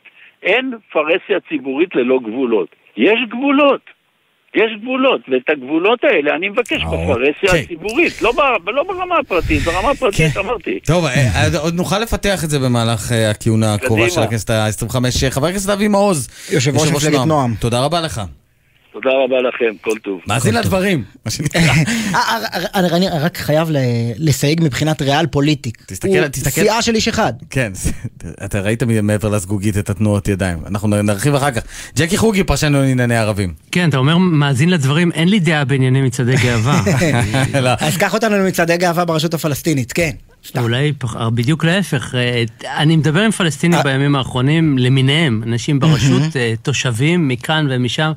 הרבה מהם מתוסכלים כבר הרבה שנים מישראל, זה לא יפתיע אתכם, הם גם חוטפים כל הזמן מכות, במיוחד בשנים האחרונות. אחרי שערוץ השיחות קפא בתקופת ממשלות נתניהו, טראמפ נכנס בהם, אחר כך הסכמי אברהם, אחר כך מת סאיב עריקאת, הנושא והנותן, כל אלה תחנות על מסלול הייאוש שלהם. מה שקורה היום זה עוד תחנה ברמה של אלה. אתם רואים שהייאוש אצלם מתחזק אה, בעקבות התוצאות אה, של הבחירות. אני חושב שהדבר הכי מייצג, אה, אה, לפחות לעת עתה, זה הדברים שאמר אבו מאזן אתמול. אה, אני מציע שנשמע קטע מהדברים שלו מיד. פסגת הליגה הערבית באלג'יריה, בסוגריים אני אגיד לכם, אלג'יריה זו מדינה שדיון נפרד בפני עצמו, הולכת ומצמצמת מרחקים מהמחנה האיראני, מתקרבת אליו, לא חבורה שאבו מאזן אוהב להתחכך בה, אבל מהבודדים שעדיין תומכים ברשות כספית, וזו גם הפסגה השנתית של הליגה הערבית, אז הוא הגיע, נתן את הנאום שלו והלך, וגם התייחס לתוצאות של הבחירות בישראל. הנה נשמע את הקטע הרלוונטי, אחר כך נתייחס אליו. إن إسرائيل دولة الاحتلال التي تقوم بتدمير ممنهج لحل الدولتين وتتنكر الاتفاقات الموقعة معها وتستمر في ممارساتها أحادية الجانب لم تترك لنا خيارا سوى إعادة النظر في مجمل العلاقة القائمة معها אז אומר אבו מאזן, ישראל, מדינת הכיבוש, הורסת באופן שיטתי את פתרון שתי המדינות. היא גם מתנכרת להסכמים החתומים איתה וממשיכה במעשיה החד-צדדיים. בזה היא לא משאירה לנו אפשרות, אלא לשקול מחדש את מגוון יחסינו איתה, ככה הוא אומר, טרי טרי מפיו. ולגבי מגוון היחסים, הוא אמר את זה מהמם. כבר אה, כמה, כמה פעמים בשנים האחרונות. יש כאן רמיזה על היחסים הביטחוניים. אני חושב שצריך לחשוב או להסתכל קצת על, ה, על התפיסה של אבו מאזן בהקשר של היחסים עם ישראל. תתפלאו, הוא עדיין מאמין בפתרון שתי המדינות. הוא אומר לעצמו ולאחרים גם, בחברה הישראלית יש עדיין מסה שמוכנה לזה, הוא רואה את זה בסקרים. כל ההסכמים עם ישראל, הביטחוני, הכלכלי, שיתופי פעולה שונים, כולם מבוססים על הרעיון ששתי המדינות יחתרו לשלום באמצעות הקמת מדינה פלסטינית. זה על הנייר, והוא עדיין חושב שזה אפשרי. אבל, אבל זאת בזה. הפעם, צריך לומר, זאת הפעם ה-1500 בערך שהוא מנופף בכדור היחיד שיש לו באקדח השיתוף פעולה הביטחוני. ברמיזה. אה, תראו, הוא, לא, הוא רואה מה קורה בשטח, הוא רואה מציאות אחרת והידרדרות כל הזמן, שפיכות דמים בגדה, התחזקות הנוכחות היהודית בהר הבית, אבל ביומיים האחרונים, בבחירות האלה, נוחל, נוחתות עליו עוד שתי פצצות, וזה הדבר החדש. אחת זה בן גביר. סמל Mhm. המאבק היהודי במדינה הפלסטינית מנצח. והדבר השני, הקול היחידי בכנסת מקרב המפלגות היהודיות ששמר על הגחלת. פתרון שתי המדינות, זה מרץ, והיא בחוץ. כן. בן גביר בפנים, הם בחוץ. אבו מאזן אומר לעצמו... שהם האנשים "איך ששמרו נפל?" איתו על הקשר אולי הכי, הכי צפוף אה, בשנים האחרונות. מקרב. המפלגות, כן, אבל יש כן. גם חברה, יש, יש הרבה יחסים שלו עם החברה האזרחית בישראל, שגם הוא מקפיד לטפח, וזה בצד מרץ. לכן אה, אני אומר, ואתם בטח תסכימו איתי, שאוסלו מת אה, עוד קצת היום, ולזה יש השלכות לא רק מדיניות. אה, הפלסטיני מרגיש שהאופקים הולכים ונסגרים כן. עליו כל הזמן, יש לזה משמעות. אנחנו קצת בהכחשה, אבל מציאות של מדינה אחת, מדינה דו-לאומית מתקרבת אלינו בצעדי ענק. זה שלא מדברים על זה לא אומר שזה לא מציאותי. ג'קי חוגי, פרש... אני- אני מרגיש, אה, אתה רוצה להגיד? אבל אה, זה- זו תחושה שלי ככה בהקשר הזה. באיזה עניין אתה אומר? אה, בהקשר של המדינה הדו-לאומית שמתקרבת אלינו בצעדי ענק, כן או לא. לא, אוקיי, זה... זה עניין דמוגרפי, אני מעריך, פחות עניין אה, פוליטי. או בסוף זה גם עניין של החלטות מדיניות. אה, ג'קי חוגי פרשן לענייני ערבים, דווקא עכשיו ישי זרק את זה בסוף, אבל טוב, נדבר על זה, מה שנקרא. תודה רבה. טוב, אנחנו מסיימים עכשיו, ונאמר לכם כך, בשעה 6 אה, צפויה יושבת ראש מפלגת העבודה, מרב מיכאלי אחרי שתיקה של 48 שעות בערך, אה, לומר את אשר על ליבה. אנחנו נביא את זה כאן בשידור חי, מיד אחרי... בשידור חי ישיר. אה, התשדירים והחדשות. תהיה איתנו גם עורכת הדין טלי גוטליב מהליכוד. עם כל רעיונותיה ודעותיה לגבי מה עוד צריך לעשות במערכת המשפט, ועוד ועוד ועוד. יישארו איתנו אחרי השעה שש, אנחנו כאן.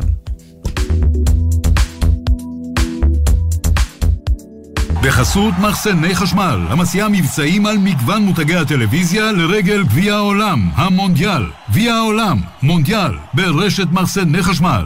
בחסות מטבחי סמל, המזמינה אתכם לבחור במטבחי סמל ובמוצרים משלימים במגוון הנחות עד שמונה בנובמבר.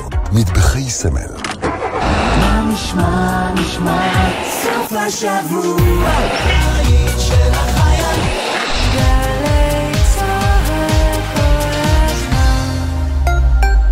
אתה שומע, קובי? לא סיפרתי לך, אבל האמת, יש לי חדשות ממש מסעירות. נו, מה העירית? את אה, עוזבת הכל והולכת להדריך סדנאות ויפאסנה? לא, קובי, לא ויפאסנה. אה, את, את כותבת ספר על בסיסט בלהקה צבאית שמתאהב בלוחמת מעברים. וואו, רעיון נהדר, אבל לא. נו, אז מה עוד? עוד גל"צ. עוד גל"צ? כן, זירת התוכן החדשה ביישומון גל"צ. יש בה המון תוכניות של גל"צ מכל השנים, וגם אנחנו שם כמובן.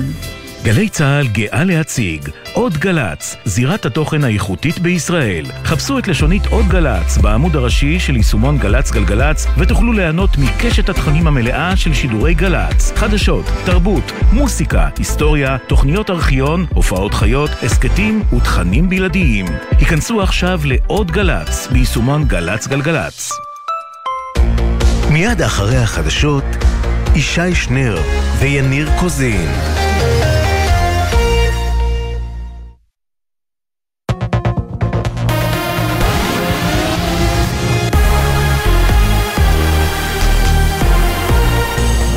גלי צה"ל השעה 6. שלום רב, באולפן יהונתן גריל עם מה שקורה עכשיו. בוועדת הבחירות המרכזית בירושלים משלימים בדקות אלה את ספירת הקולות לכנסת ה-25. על פי המסתמן בשעה זו, מפלגת הליכוד איבדה מנדט אחד לטובת יהדות התורה, והיא עומדת כעת על 31 מנדטים, ואילו המפלגה החרדית זוכה לשמונה מושבים בכנסת הבאה. גוש הימין גרף בבחירות 64 מנדטים, לעומת 51 למפלגות הקואליציה הנוכחית.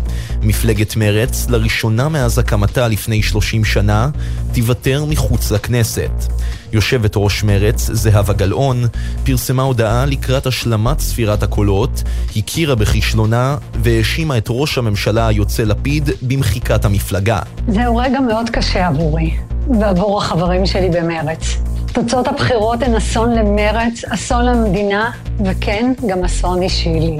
ובימים האחרונים התרעתי מספר פעמים בפני ראש הממשלה יאיר לפיד, והתרענו בפני אנשיו שהם משחקים באש, ושאם לא ניזהר, לא רק מרץ, אלא המחנה כולו ישלם את המחיר. חבר הכנסת היוצא ממרץ, מוסי רז, הודה בריאיון ליניר קוזין וישי שנרב כי מצביעים רבים עברו ממפלגתו ליש עתיד ביום הבוחר. פעם קודמת היו כאלה שבאו לוודא שמרץ תעבור, כי היה שדר שצריך, חובה שכל המפלגות uh, תעבורנה. והפעם uh, היה גם קמפיין מפלגה גדולה, הייתה הרגשה אחרת, ברור שהקהל הזה שעבר, רובו הגדול נתן ליש עתיד. תוצאות הבחירות הרשמיות תוכרזנה תוך זמן קצר, והנשיא הרצוג צפוי לחתום עליהן ביום ראשון הקרוב. בתוך כך, מפלגת העבודה מתכנסת בשעה זו לישיבה בתל אביב. שם תגיב יושבת ראש המפלגה מיכאלי על מפלת גוש המרכז-שמאל ביום הבוחר. כתבנו הפוליטי יובל שגב מוסר כי חרף הביקורת שנמתחה כלפיה, מיכאלי לא צפויה להתנצל על החלטתה שלא לחבור לרשימה אחת עם מרץ. ראש ממשלת הונגריה, ויקטור אורבן, בירך לפני זמן קצר את יושב ראש הליכוד נתניהו על ניצחונו בבחירות.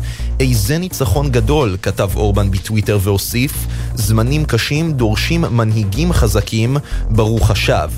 כתב חדשות החוץ עמית קלדרון מזכיר כי מאז עלה אורבן לשלטון בהונגריה לפני יותר מעשור, פעל להגביל את כוחה של המערכת המשפטית והתקשורת החופשית במדינתו. בית המשפט העליון פרסם את נימוקי השופטים להחלטתם להתיר את התמודדותו של עמיחי שיקלי בבחירות, וקבעו כי יושב ראש ועדת הבחירות, השופט עמית, פעל בחוסר סמכות. מדווח כתבנו לענייני משפט, אביתר בר-און. בנימוקיהם אמרו השופטים כי הגורם המוסמך לדון בכשירות מועמדים הוא מליאת ועדת הבחירות ולא יושב הראש, ובכך קבעו כי החלטתו של השופט יצחק עמית אינה קבילה. עוד קבעו השופטים כי יש לתת משקל מכריע לעובדה ששיקלי החליט להתפטר מהכנסת כשהוא מסתמך על פשרה שקיבלה את אישור היועצת המשפטית לכנסת. האלימות במגרשי הכדורגל. ראש אגף המבצעים במשטרה נועד היום עם יושב ראש מנהלת הליגות ארז כלפון וראשי הקבוצות הבכירות בליגת העל, וסיכמו על שורת צעדים למיגור האלימות. על פי הודעת המשתתפים, יחל ניסוי לשימוש בתוכנות זיהוי פנים לאיתור מפרי חוק במגרשים, כמו גם התקנת רשתות ביציעים שימנעו השלכת חפצים אל כר הדשא. מזג האוויר למחר בהיר עד מעונן חלקית עם טמפרטורות רגילות לעונה. אלה החדשות שעורך מרון ששון.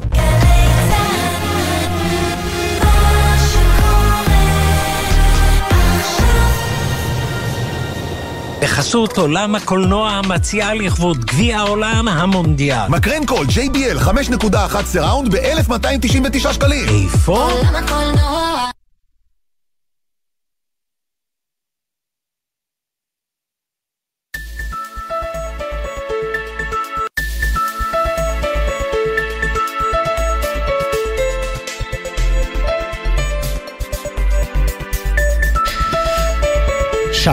שנייה. הנה אנחנו כאן. כן, מ-6 עד 7, הרבה עניינים איתנו עוד מעט. אנחנו נשמע פה בשידור חי. אה. השבוע עם. ישי שנר ויניר קוזין. צריכים לדעת מי אנחנו. אתה יניר קוזין. אתה ישי שנר. נכון. מה- אצה לך ובשידור הדרך? חי אנחנו שידרנו את האות שלנו, שמבשר מי אנחנו למאזינים. מה אצה לך הדרך, ישי? בדיוק. אני כל כך ככה אמ, דרוך. בטוח לקראת מה תגיד מרב מיכאלי, שהרבה מאשימים אותה. בוא נודה על האמת. הרבה מאשימים אותה, היא הסרבנית כן. אה, בג- בגוש, בגוש לאיחודים. היא ו- ומפלגת בל"ד שפרשה מהרשימה המשותפת. ו- והפיצול הזה, אני חייב לומר, אבל אגב, אפילו אם מרצ הייתה עוברת את אחוז החסימה, אה, עדיין אה, גוש הימין היה מנצח. כן, 61, 2, זה לא היה משנה את כל כן. האירוע הזה. בכל אופן, אה, אנחנו מחכים למוצא פיה, נעלמה, היא לא ענתה לפעילים כבר אה, 48 שעות, כפי שאמרת. לא הודתה, לא כלום. אבל עד אז, אה, אנחנו אה, רוצים אה, לדבר פה עם אחת, עורכת הדין טלי גוטליב, מקום 25 בליכוד. אהלן טלי, ערב טוב. אהלן חברים, מה העניינים? בסדר, מה איתך? איך המרגש? המרגש שמחה מאוד, לא באופן אישי, כי אני, את השמחה האישית שלי זה היה אחרי הפריימריז, עכשיו זה הרבה יותר גדול. פחות אכפת לך, את אומרת, כמה הליכוד מביא. חס וחלילה, להפך, היה חשוב מאוד, לא, זהו, שלא מכיר אותי. זה הרבה יותר גדול מזה, גם הכניסה הפוך, היא שלי אמרה שזאת לפריימריז, זאת שמחה לאומית.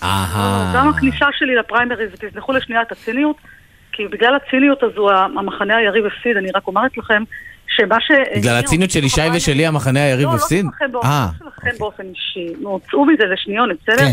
אני רק, אני אומרת לכם ברצינות גמורה, כשאני נכנסתי לפריימריז ואני, מה שנקרא, לקחתי בחשבון שאני אצטרך לסגור את המשרד שלי ולעשות אה, שינוי בלתי רגיל אה, בחיים האישיים שלי, זה נעשה כי ידעתי שהחשיבות של אה, השבת שלטון הימין היא באמת ברמה של שאיפה לאומית ואני רואה את זה ממש ככה, ולכן זו תחושת שמחה מאוד גדולה, כי הנה אנחנו סוף כל סוף מגיעים לארבע שנים של ממשלה יציבה לטובת כלל אזרחי מדינת ישראל, ולו יהי כן. זהו, ארבע טוב, שנים. אה, לא, אה, אה, קיבלנו הבטחה לארבע שנים, אני חושב שזה...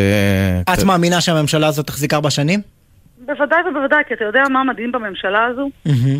אין בה אחידות, כי אני לא בעד אחידות, אני חושבת שהדבר הכי רומנטי זה לא אחידות, אבל יש בה אחדות, הימין וגוש הימין התחזק לאחדות כי מתוך הבנה אמיתית שנחזק זה את זה כדי שנצליח למשול בצורה מיטבית לטובת כלל, כלל אזרחי המדינה, וזה מה שיש פה. יש פה אחדות של מחנה, ואתם יודעים... אני, לו- אני מנסה לו לתרחש, את יודעת, לתרחש לי אה, תרחיש לא, רגע, בראש. אתה רוצה לתרחש אה, יש מבצע, ב... נניח אה, פעם בשנה, שנתיים יש לנו מבצע בעזה, נניח שיהיה, אוקיי? חבר הקבינט איתמר בן גביר לא, יכול להרשות לעצמו להיות אה, אה, בתוך אה, קבינט שמנהל מבצע רגיש וזהיר וכירורגי בלי לשטח מלמעלה כשאנחנו סופגים אבדות? תקשיב לי טוב. קודם כל, נבואה ניתנה לשוטים. ב', אני מקווה מאוד, כשהימין יחזור לשלטון, אנחנו נחזק את ההרתעה והמחבלים יזכרו את מקומם. עוד אני אזכיר לך שאנחנו לא חוששים ממבצעים. זאת אומרת, זה- זהו, נגמר הסיפור, לא יהיו סבבים בעזה לא, זה יותר. לא מה שאני... זה לא מה שאני אומרת, אבל העובדות פחות משנות לך, כי אתה מתעסק בלשאול. וזה בסדר, זה שלך, אבל אם תשיב, תיתן לי להשיב, אני אומרת לך שאנחנו יודעים לשמור על ביטחון אזרחי מדינת ישראל, וכשנדרשים לי במבצע, אנחנו עושים אותו. וכן, אני אומרת לך שאני סומכת מאוד על הקבינט הביטחוני כשהימין בממשלה, כבר הוכחנו עשר שנות שקט יחסי. עשר שנות הרתעה. שקט יחסי, הרתעה? מוטטתם את שלטון חמאס. איך את יכולה להגיד עשר שקט שנות יחסי כשקם פה דור וחצי של ילדים שחוטפים רק טילים כל הזמן? אני אומרת לך שאתה הרי לא יכול לחשוב אפילו לא לרגע שיש לך פתרונות קסם, אבל ראית בשנה וחצי האחרונות, כשאתה שולח כסף לרשות ב-50 מיליארד שקל, ואתה מקבל במקום זה פיגועי גרזן אכזריים באלעד, ופיגועי ירי בלי סוף, ופיגועי אבנים והשלכת אבנים שאני נוסעת למעוז השומרון כעניין שבשגרה, ששנים כבר לא נתקלתי בהם. אז אין פתרונות קסם, וזה לא ייעלם קסם, וזה לא ייעלם לעולם, אבל בהחלט, בהחלט, שבהרתעה נכונה ובעמידות ובמדינה שיש בה התייצגות עוצמתית, אתה לגמרי... אבל את יודעת, את יודעת, עורכת- כן. את עורכת הדין גוטליב, אם אני הולך איתך, טלי, טלי, טלי. אפשר- תרגיש בנוח, אני לא... עוד מעט חברת- הכנסת גוטליב, זה לא- כבר לא תוכלי להגיד לי. תמיד טלי. אגיד לך ועוד איך. כן? אוקיי. טוב, אז טלי, אה, תראי, אה, אם אני הולך איתך גם על התזה שלך, שכשיש קבינט ימני זה טוב, אבל אם אני רץ אחורה, לפחות מ-2009, בכל קבינט כזה יש את אהוד ברק כשר הביטחון, יש את ציפי לבני בפנים, בתוך הקבינט הזה, יש את כחלון בתוך הקבינט הזה, יש את בני גנץ בתוך הקבינט הזה, זאת אומרת, תמיד היה שם איזשהו אה, גוף שהוא לא אה, ימני. אבל אתה יודע, אבל אתה יודע מה הכי חשוב לי? בגלל שניהול מדינה ושמירה ודאגה לביטחון מדינת ישראל זה לא רולטה רוסית ולא משחק חברה כמו שראינו בשנה וחצי האחרונות, בנימין נתניהו הוא מדינאי פנומן שרואה את טובת מדינת ישראל וביטחונה לנגד עיניו, מיומן ומנוסה, ויותר אני אגיד לך, אנחנו מוקפים ביועצים מצוינים, מצוינים, ואנחנו נסמכים על אנשים מתוך הצבא, זה כבר לא קשור, זה חוצה מפה פוליטית, שלא תחשבו לרגע, בסופו של דבר האנשים בממשלה, בכל מה שקשור לביטחון, לוקחים בחשבון המלצות וייעוץ מהצוותים, מצוותי הצבא שנמצאים בשטח ומביאים את הדברים לפתחו של הקבינט. אבל טלי, איך תעשו שיש שקט? כי את אומרת, את אומרת, אה, שיחדו ב-50 מיליארד, שזה גם לא 50 מיליארד, לא משנה, אנחנו לא ניכנס למספר הזה, שהוא אתה מספר אמרת שגוי. שחזו, אתה יודע, הטעות פרוידנית שלך זה באמת שוחד. אוקיי, לא, אני רק- אני רק אומר שזה לא 50 מיליארד שקלים, וזה לא רק לרע"מ, ו... ו- קצת ו- יותר, אבל... עזבו, זה לא- זה לא- הוויכוחים שלפני שנה וחצי. לא, זה הוויכוחים שלפני שבוע. בואו נתקדם לוויכוחים של היום. אבל אני שואל את עצמי, אני שואל את עצמי, מה תעשו יותר נכון, אה, טלי גוטליב, אה, לשמירה על אנשי הדרום, שבשנה האחרונה, איך שלא תהפכו את זה, הייתה להם את השנה הכי שקטה, מאז מה? 2000 ו... אין לי מושג על מה אתה מדבר, כי בתור מי שמגיעה לבאר שבע חדשות לבקרים, בין השאר בתור סנגורית למחוזי באר שבע, כן. התחושה של העיר היא תחושה קשה, ומה שצריך לעשות שם זה אני להחזיר... מדבר ברמה של עזה, צודק, אני לא, אני לא מכחיש בכלל את גל הפיגועים שיש עכשיו, זה יהיה טיפשי להגיד את זה, ואנחנו רואים אני את זה. ממש אני מדבר, לא, אני מדבר על עזה. תקרא לזה בשמו, ואני אומרת לך, ברצינות... אבל טלי, את בורחת- את בורחת לי מעזה, אני רוצה להבין איך תעבדו מול עזה. לא, רגע, רגע, אתה פשוט לא מתעניין בתשובה שלי, אם תתעניין בה, אני אשיב לך. תתפלאי, אנחנו? שואלים שאלות זאת לא וגם הפעם הראשונה מתעניינים שהליכוד בורח. מעזה. לא, ממש לא. אני רוצה להסביר לכם דבר כזה. אם נדמה לכם שמישהו, מישהו אחד, בממשלת ימין, יעשה איזשהו צעד לא מחושב, לא מקצועי, לא לוקח בחשבון סיכונים או סיכונים מיותרים, אתם טועים טעות מוחלטת. ואני אומרת לכם כאן, אם נדמה לכם, נדמה למישהו במדינה הזו, שיש פתרון מהיר וחד, וחד, כדי לנגח או לשתק או לבטל טרור, לא. אבל בהחלט, בהחלט, הצבא שלנו ועושה את זה חדשות לבקרים וכעניין שבשגרה. המציאות מלמדת שהימין בהנהגת בנימין נתניהו שמר על ביטחון האזרחים כשגל הפיגועים היה באמת הפחות ביותר אני לא אוהבת להגיד את זה כי זה מספרית, כל אדם שנפגע בפעילות טרור זה עולם ומלואו ומשפחה אדירה מאחוריו, אבל כן. לא הבנתי, בשנות נתניהו נרצחו כאן הרבה מאוד אנשים. גל הטרור של 2015-2016 אבל היה אתה יותר גרוע מגל הטרור הנוכחי שאנחנו מבחינת מספרים. לא, אתה טועה, אבל באמת. לא, הוא לא טועה. שאתה שואל אותי, לפחות תבדוק מספרים. אין בעיה. אני- 47 אין בעיה. 47 אנשים לצערי הרב נרצחו גל במהלך הטרור של- גל הטרור טרור של- הסכינים. טרור הסכינים. בסדר, בוא, תפרוס את זה על פני עשר שנים, אל מול מה שהיה לך בשנה וחצי. לא, הם לא לא האנשים היחידים שנרצחו ב... אנחנו מדברים על טרור הסכינים. לא יכולים לקחת את המספר הזה ולא לפרוס אותו על פני עשר שנים. אבל אנחנו אומרים לך שרק אה, לצערנו הרב באותו גל טרור שנקרא אינתיפאדת הסכינים במשך שנה וחצי נהרגו, אה, נרצחו 47 אנשים. נתניהו ידע להגיב באמצעות הצבא האדיר שלנו, ידע להגיב. ידע לשים לזה גבולות ולמתן את זה, אי אפשר לרסק את זה, אבל למתן את זה. ואתם יודעים מה אני אומרת לכם כאן לסיום? אני אומרת לכם שהמדינה הזו היא מדינה מפוארת, ויש בה אנשים אדירים משמאל ומימין. אל תפחדו ואל תחששו, כי הנהגת הימין הולכת לדאוג לא רק לימין, כן, והגם שאני אינני מתנצלת ואינני מתרפסת בפני איש, אנחנו נדאג לכלל אזרחי אוקיי. יש לי, יש לי שאלה, אמרת שאדם בתוך עצמו הוא גר ואת עורכת דין, אז יש לי שאלה על התחום המשפטי. איזה רפורמות את חושבת שחייבים להעביר ברגע שתחזרו לשלטון? פיצול משרת היועמ"ש, אתה יודע למה? למה? אתם יודעים שהיועץ המשפטי לממשלה, יש לו שני כובעים כידוע, הוא גם היועץ המשפטי לממשלה וגם עומד, עומד בראש מערך התביעה הפלילית. תחשוב לרגע שאני אייצג אותך ואהיה עורכת הדין שלך ואני חייבת לך חובת נאמנות מוחלטת ואסור לי לפעול בניגוד עניינים שזה קודש הקודשים של כללי האתיקה. והיועץ המשפטי לממשלה יכול לחלק את עצמו באופן אבסורדי, לתת לייעוץ לממשלה ומאחורי גבה לחקור אותה, לאסוף עליה מידעים ולחתור תחתיה. זה לא עומד בכללי אתיקה בסיסיים. אוקיי, לא פיצול, רגע, רגע, מיד, בעולם. מיד, מיד אה, נשאל על זה, אבל פיצול תפקיד היועמ"ש, יש עוד דברים שאת חושבת שצריך ממש להתעקש עליהם בתחילת הכהונה? בטח, ביקורת לפרקליטות עם אה, מערך ביקורת על הגוף האדיר הזה שנקרא פרקליטות, הגוף החשוב הזה שנקרא פרקליטות, גוף ביקורת עם שיניים, שגם תהיה לו יכולת לתת הנחיות אופרטיביות. ואתם צריכים להבין, בתור מי שהייתה מועמדת להיות פרקליטת המדינה, כן, הלא היא אני. כן, אבל, אבל מי, מי העמיד אותך למועמדות הזאת? את בעצמך, נכון? עמדתי בתנאי סף, מה זאת אומרת? אתה חושב שאתה מגיע, היו, למה היו מועמדים, 100 מועמדים, הגענו לשורה האחרונה 11 מועמדים. אוקיי, טוב. מזכירה, אני רק אומרת לך כן. דבר אחד. זה מנוסה מאוד בתוך התחום הפלילי. אתם צריכים להבין משהו, ביקורת בעיניי היא תפארת הדמוקרטיה. לא, לא, אין ס... ככל- אז, אז רגע, תפקיד היועמ"ש, מתן שיניים לגוף הביקורת על? הפרקליטות, מה עוד? בוודאי, בוודאי ובוודאי, ושינוי מערך הוועדה למינוי שופטים, כי בתוך הוועדה למינוי שופטים, לפי חוק בתי המשפט, יש גם תשעה נציגים, שלושה מהם מבית המשפט העליון. לא יעלה על הדעת, זה גורם לשיבוט שופטים ולא למינוי שופטים, ולריבון יש כוח גדול, יפה. והריבון הוא הקובע. קודם כל אני מעריך אותך על כל הדברים שאת אומרת, כי אנחנו מבינים עכשיו אה, אה, מה שנקרא את סדר הדברים. אה, הלאה, אה, עוד משהו שאת חושבת שצריך אה, אה, לתקן עם החזרה? זה לא עניין של לתקן, זה תמיד לשפר, אתה יודע, יש. דברים שלי חשובים באופן אישי שקשורים לבריונות שיטורית, בסדר? לדוגמה, כל כללי החיפושים בבית. נאמר שאתה אתה עושה, עושה, עושה קצת רעש, מזמינים לך משטרה, ואז במקרה מריחים ריח של גראס ועושים לך חיפוש בבית. לא יעלה ולא יעלה, אין לו יפה. מוכן לקבל דבר כזה. אה. בסדר? כי האוטונומיית הפרט צריכה להיות מוחלטת, ואדם בדלת אמותיו צריך להרגיש בטוח דיו, ולכן כל כללי אוקיי. החיפוש אותי יפה. מקוממים. אתה שואל אותי מה עוד? חקירות משטרה. רגע, אבל את יודעת מה, אני- אני אשאל- אני אשאל אותך, כי כי אני זוכר את הסרטון שלך, מה שנקרא, עשה לה- עשה לו כנפיים, ו- וזה משהו שעלה לא פעם ולא פעמיים. הערוך שלי, בכיף, אם תרצה אני אסביר לך.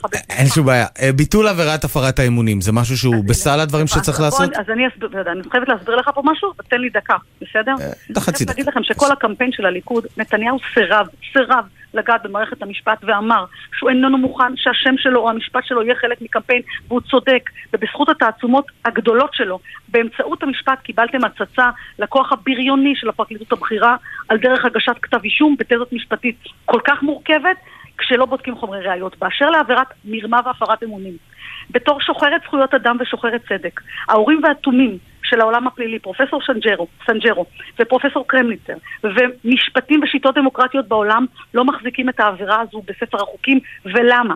כאילו כן. עורכת דין טלי גוטליב? היי. נעלמה לנו. היי, נפלה לנו. באיבה, מה שנקרא.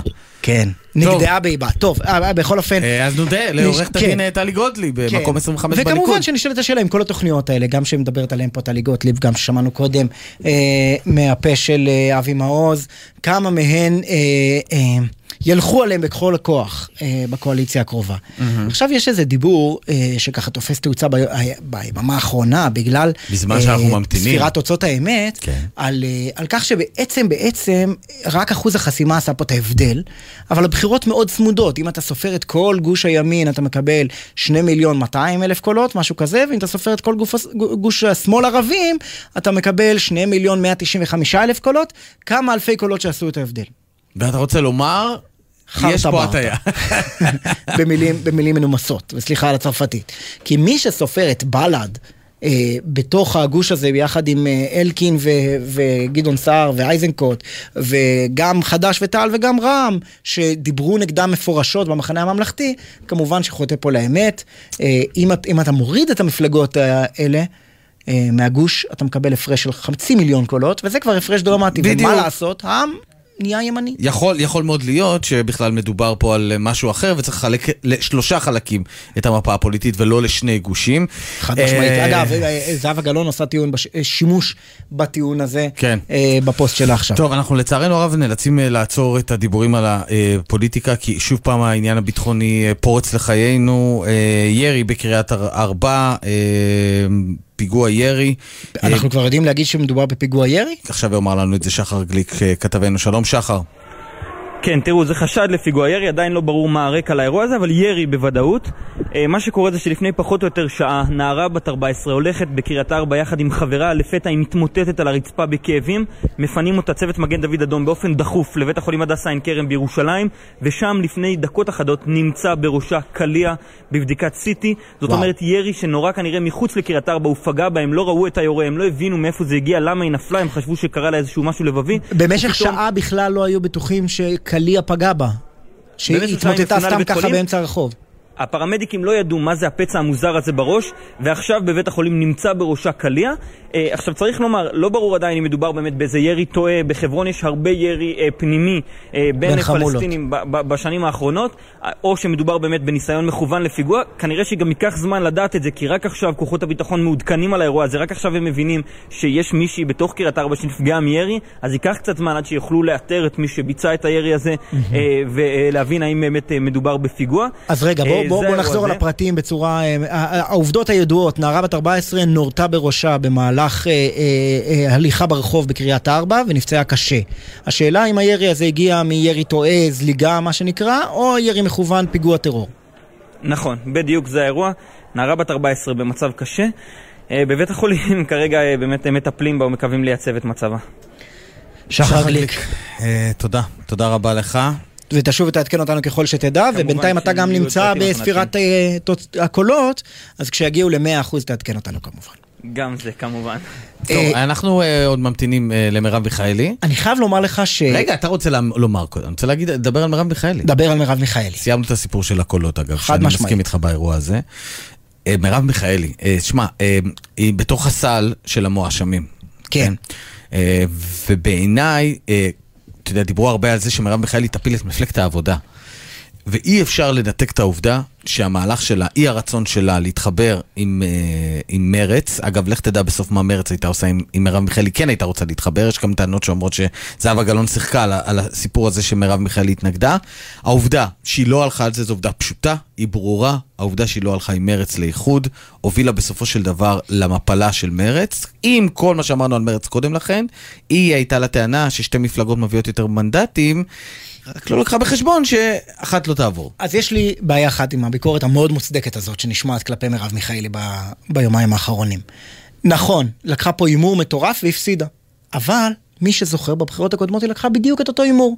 גם אז הסקרים דיברו על 4-5 מנדטים למרץ והעבודה, היה ברור ששתיהן באזור הסכנה, ומרב מיכאלי סירבה להתאחד למי שזוכר, גם עם מרץ שהייתה לפ... במערכת הבחירות ג', כן. הייתה חלק ביחד, העבודה גשר מרץ, הם היו נכון. ביחד. שלא לא הייתה הצלחה וסירבה להתאחד מסחררת. עם חולדאי וסירבה להתאחד עם עופר שלח, וחולדאי ועופר שלח נאלצו לפרוש אחרי, לפני הגשת הרשימות, ומרב מיכאלי, אז, אחרי שהשיגה את ההישג שלה, וגם מרץ עברה, כולם אמרו שהיא גאון פוליטי. כי איחוד של שתי הרשימות היה מקטין אותן, זה אחד פלוס אחד שווה פחות משתיים. והיא, אה, אה, שתי הרשימות שרדו, וכולם הכתירו אותה לגאון, ואמרו איזה יופי ואיזה מנהיגה היא, שהיא לקחה מפלגה מהקרשים, והלכה איתה עד הסוף, ולא מצמצה ולא זגזגה. עכשיו עשתה את אותו דבר, וההימור פחות הצליח. האם הביקורת כלפיה היא נשפטת רק לפי התוצאות, או לפי המהלך והגיונו? כן, קודם כל התוצאות הן ברורות, אבל יש פה עניין אה, מאוד, נקודת, מאוד נכון ו, ושונה ממה שאתה אומר.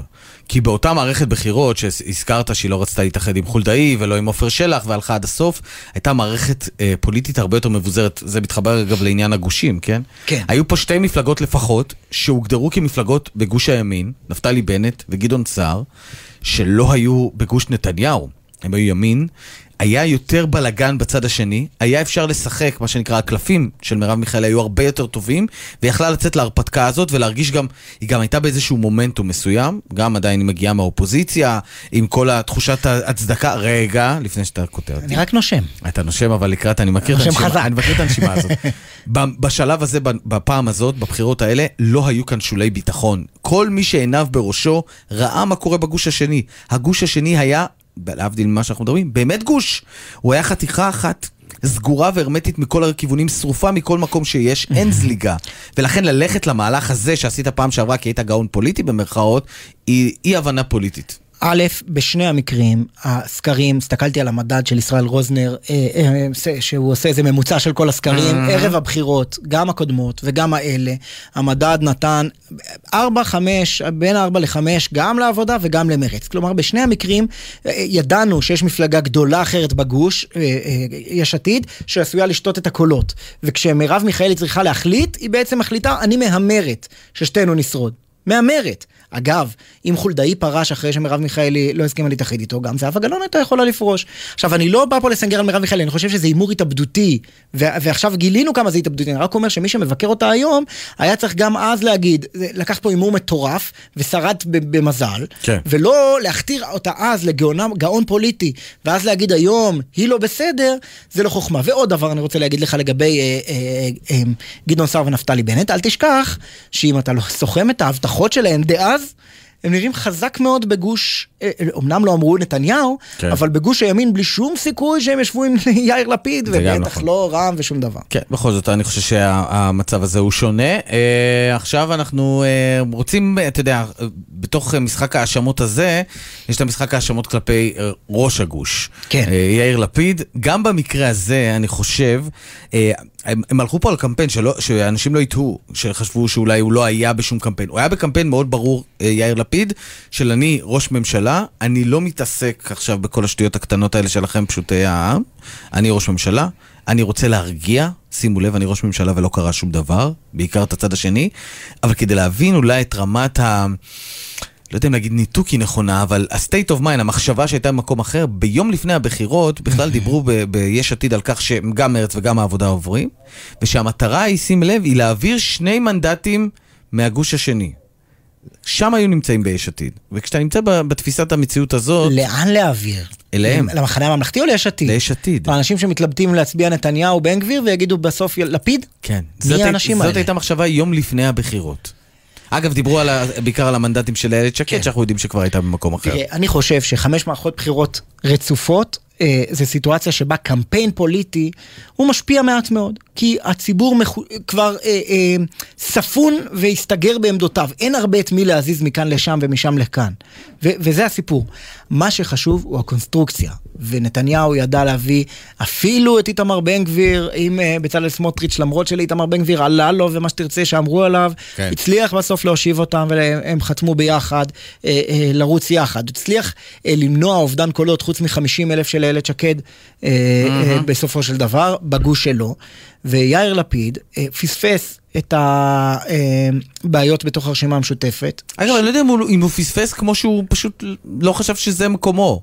ובמקומות שהוא כן חשב, כמו מפלגת העבודה ומרץ... הוא לא ראה את עצמו כמנהיג הגוש, אולי הוא ראה את שמאל. עצמו, אבל נגיד מבחינת מפלגת העבודה ומרץ, אני לא בטוח שהם ראו אותו. כלומר, יכולותיו של נתניהו הוא כן להושיב שניים... זימן אותם אליו הביתה, את מרב מיכאלי וזהבה גלאון. ואמרה לו מרב מיכאלי. תודה רבה, אבל לא תודה.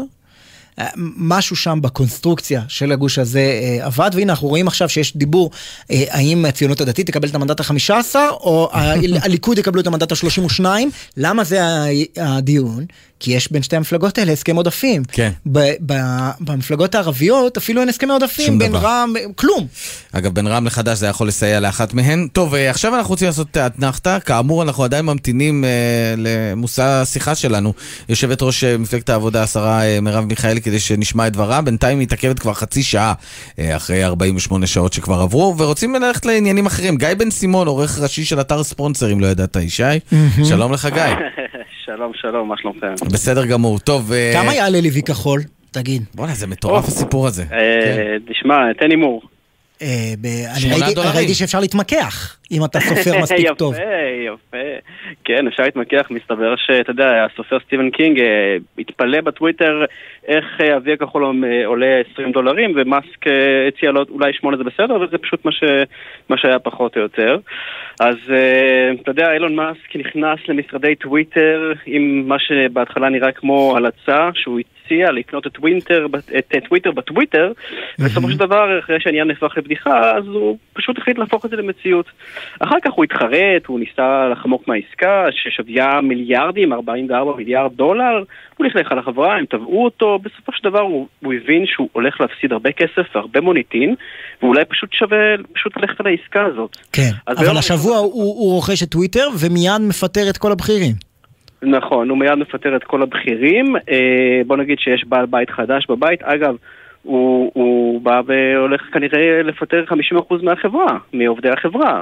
אבל אם אנחנו נלך אה, לשבוע הראשון שבו הוא נכנס לחברה, הוא צייץ אה, ציוץ שאומר לשחרר את הציפור, זה כאילו מרמז שהציפור הייתה כלואה תחת משטרת מחשבות של אותם גופים, אותם אנשים שחסמו למשל את... מתי דונלד טראמפ חוזר? לשעבר. טראמפ חוזר, וטראמפ חוזר, אם אני לא טועה, כבר השבוע, אז הנה, אתה יודע, טראמפ כבר אה, קיבל את הגושפנקה ממאסק לחזור לטוויטר בשם חופש הביטוי, אני לא יודע אם זה בהכרח פוליטי, אתה יודע, בארצות הברית חופש הביטוי זו אחת המעלות הראשונות שם, אז בעצם, אתה יודע, זה, זה בעצם אולי בא לכסות על כל הבעיות האחרות של טוויטר, בואו נזכור, בואו נלך קצת אחורה לדוחות, נראה ש-90% מכלל ההכנסות שלהם מגיעים רק מפרסום, מאסק רוצה קצת להפחית את התלות הזאת מפרסום. ולכן הוא אומר, אם אתה רוצה וי כחול, תשלם כסף. כנראה, ככל הנראה, מישהו, איך הוא אמר לסטיבן קינג באותו אה, ויכוח בטוויטר, מישהו צריך לשלם את החשבונות. אבל כן. אבל למה שאנשים ירצו וי כחול? אם זה יעלה להם, אה, לא יודע, 20 דולר? תשמע, אתה יודע, האמת שבאמת זה קצת פתטי גם, אתה יודע, מצד אחד אתה רואה שיש לו מישהו עם וי כחול, ואז אתה אומר, רגע, הוא שילם על זה 8 דולר, למה? כדי שיראו שיש לו וי כחול, אבל תשמע, בסופו של דבר אני מאמין שלגופים, אה, נשיאים למשל, אני לא מאמין שהוא ייקח מהם, או אנשים שכן רוצה שהם יהיו שם. אבל לא אני שיש לי כבר וי כחול, אני אצטרך לשלם עליו עכשיו? אה, ככה... רגע, יש פה אי שוויון באולפן, לך יש ולי אין?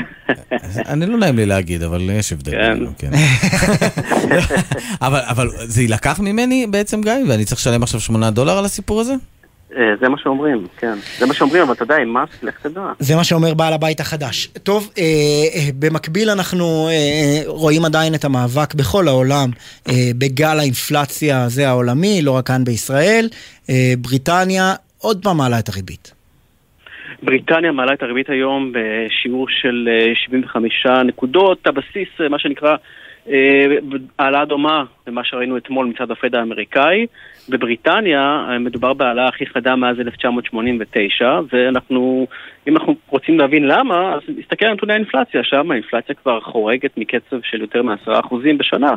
אז אה, חילופי השלטון שהיו שם אה, ממש לאחרונה, אחרי שליז טראס אה, פרשה מהתפקיד בבושה וכמעט דרדרה את, אה, את בריטניה לסחרור, אז עכשיו לפחות אנחנו די אה, מבינים שהראש הממשלה החדש אה, הולך ראש בראש עם הבנק המרכזי, ולא בניגוד לבנק המרכזי, כי להרחיב אה, את הוצאות הממשלה בזמן אינפלציה זה לא כל כך רעיון טוב, אז כרגע הבנק המרכזי אפילו מזהיר מפני מיתון, הוא בעצם אומר שהמיתון בבריטניה כבר כאן. בארצות הברית לעומת זאת, זה לא כל כך קל להכריז על מיתון, כי בארצות הברית יש ועדה מיוחדת. זה- יש חוק. מיתון, בדיוק, אז, אז, אז אתה יודע, ב-2008 הכריזו בדיעבד על מיתון, אחרי כמה חודשים, אז, אז זה קצת מצחיק, אבל אולי זה מה שיעזור לפד בינתיים, אה, לבנק המרכזי בארצות הברית להמשיך ולהעלות את הריבית, כי היו הרבה אופטימיים בשוק שקיבלו מסרים בשבוע החולף שאולי הבנק המרכזי יאותת על אה, עצירה או האטה, וזה אכן הגיע אתמול במ- בהעלאת הריבית בארצות הברית, אבל במסיבת העיתונאים פאוול בעצם הבהיר שהם עדיין נחושים, וזה מה שבעצם אה, אה, מפיל את השווקים הפיננסיים אה, גם בוול סטריט וגם אה. גיא בן סימון, עורך הראשי של אתר ספונסר, תודה רבה לך. תודה, גיא. תודה לכם. ולפני שיוצאים לתשדירים, יש לך עדכון. עדכון. שתודה, אתה יכול להודות פה, שאמרתי לך שזה הולך לקרות במהלך השעתיים שלנו. חד משמעית, והנה הגענו שש וחצי, ואתה מקיים הבטחות. זהו, אז אה, אפשר לומר, אה, ראש הממשלה יאיר לפיד התקשר לראש האופוזיציה בנימין נתניהו ובירך אותו על ניצחונו בבחירות ועדכן את ראש האופוזיציה שהנחה את כל זרועות משרדו, על כך דיווחנו מוקדם יותר, להכין את העברת השלטון בצורה מסודרת. ראש הממשלה לפיד אמר, מדינת ישראל היא מעל הכל, מעל לכל שיקול פוליטי, מאחל לנתניהו בהצלחה למען עם ישראל ומדינת ישראל, הודעה בהפסד מבחינת ראש הממשלה, מברך. הם בעצם חיכה לתוצאות האמת, הגענו כמה? ל-99.9. כן, טוב, די, די עם זה כבר, עם הפסיק הזה. אה, ומברך את אה, נתניהו, אה, ש- מה שנקרא, אפשר להגיד חילופי שלטון בישראל, זה גם משהו שלא אמרנו. יש פה דמוקרטיה. זה- בכל זאת יש משהו כזה. אה, טוב, אנחנו נצא אה, לזמרירים, ואחר כך, אה, אגב, נדחה האירוע של מרב מיכאלי 6.40, נראה לי היא רוצה את זה אחרי השעתיים היא שלה. מנסה לחבל לנו בליינאפ. בדיוק, טוב, אז אחרי זה אנחנו חוזרים. המאזינה מרב מיכאלי מתבקשת להגיע למיקרופון, אנחנו נצא לתשדירים בינתיים.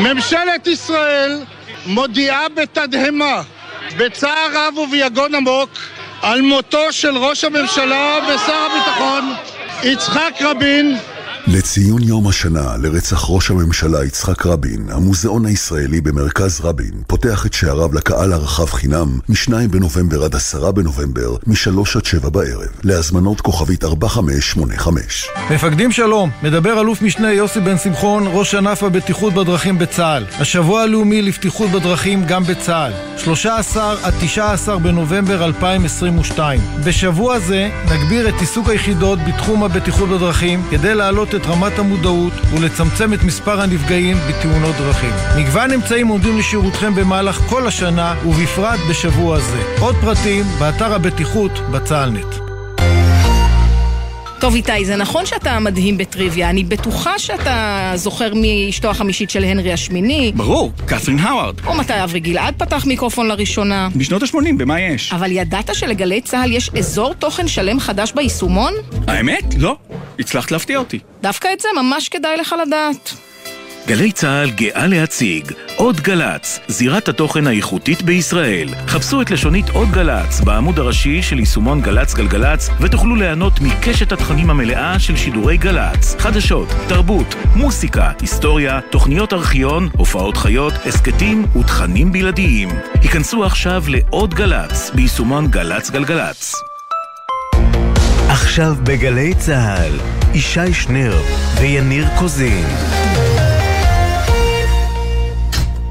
6.34. סופרים לאחור. כן, אה, סופרים לאחור לה- להצהרה של מרב מיכאלי. כן. אה, בעצם הטלפון הזה של יאיר לפיד לנתניהו, אה, לברך אותו על ניצחונו הזה, אומר שתמה מערכת הבחירות, נכון? אפשר... אה, אה, אולי גם תמו סבבי הבחירות, למרות שאתה אמרת, רמזת בהתחלה שאתה לא בטוח שזה יאריך ימים האירוע הזה. כן, גם אתה... אה, סתם, זרקתי. את זה עליך. המבחן הוא ככה, השאלה האם לסבב סבב הבחירות הבא נקרא אה, בחירות מועד ו', או שכבר אה, נשכח מזה ונקרא לזה סתם עוד מערכת בחירות.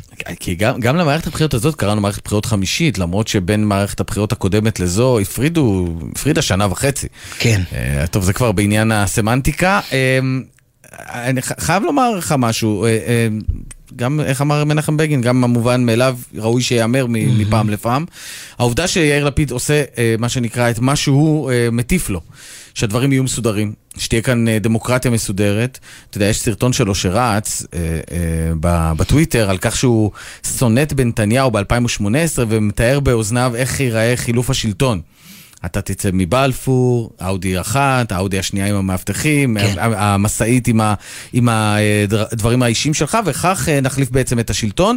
וזה מה שעושה בעצם יאיר לפיד, אמנם לא בבלפור, כי הוא לא לגמרי הגיע לשם אף פעם בגלל השיפוצים, אבל הוא כן, גם... אבל מבקר- כן הייתה את התמונה מדירת המאבטחים עם כן, הטרולי של. ליהי לפיד. כן, טוב, זה היה לפני אה, ארבעה חודשים. כן, אני אני אה, לא, רוצה... אני רק רוצה להגיד, סליחה, רק להשלים את הטיעון. העובדה שהוא אומר לשרים שלהם, אתם עושים העברה פה מסודרת, אין דבר כזה שמישהו מחרים מישהו. אני, את מה שאני יכול לעשות, אני גם אעשה, מברך, הדברים פומביים, לא מסתגר, לא, לא מנסה לברוח. אני חושב שיש לזה גם סיבה, התוצאות מאוד מאוד ברורות. זה לא איזושהי קומבינציה כזאת כמו בממשלה הקודמת, וגם מה שנקרא you practice what you preach. כן.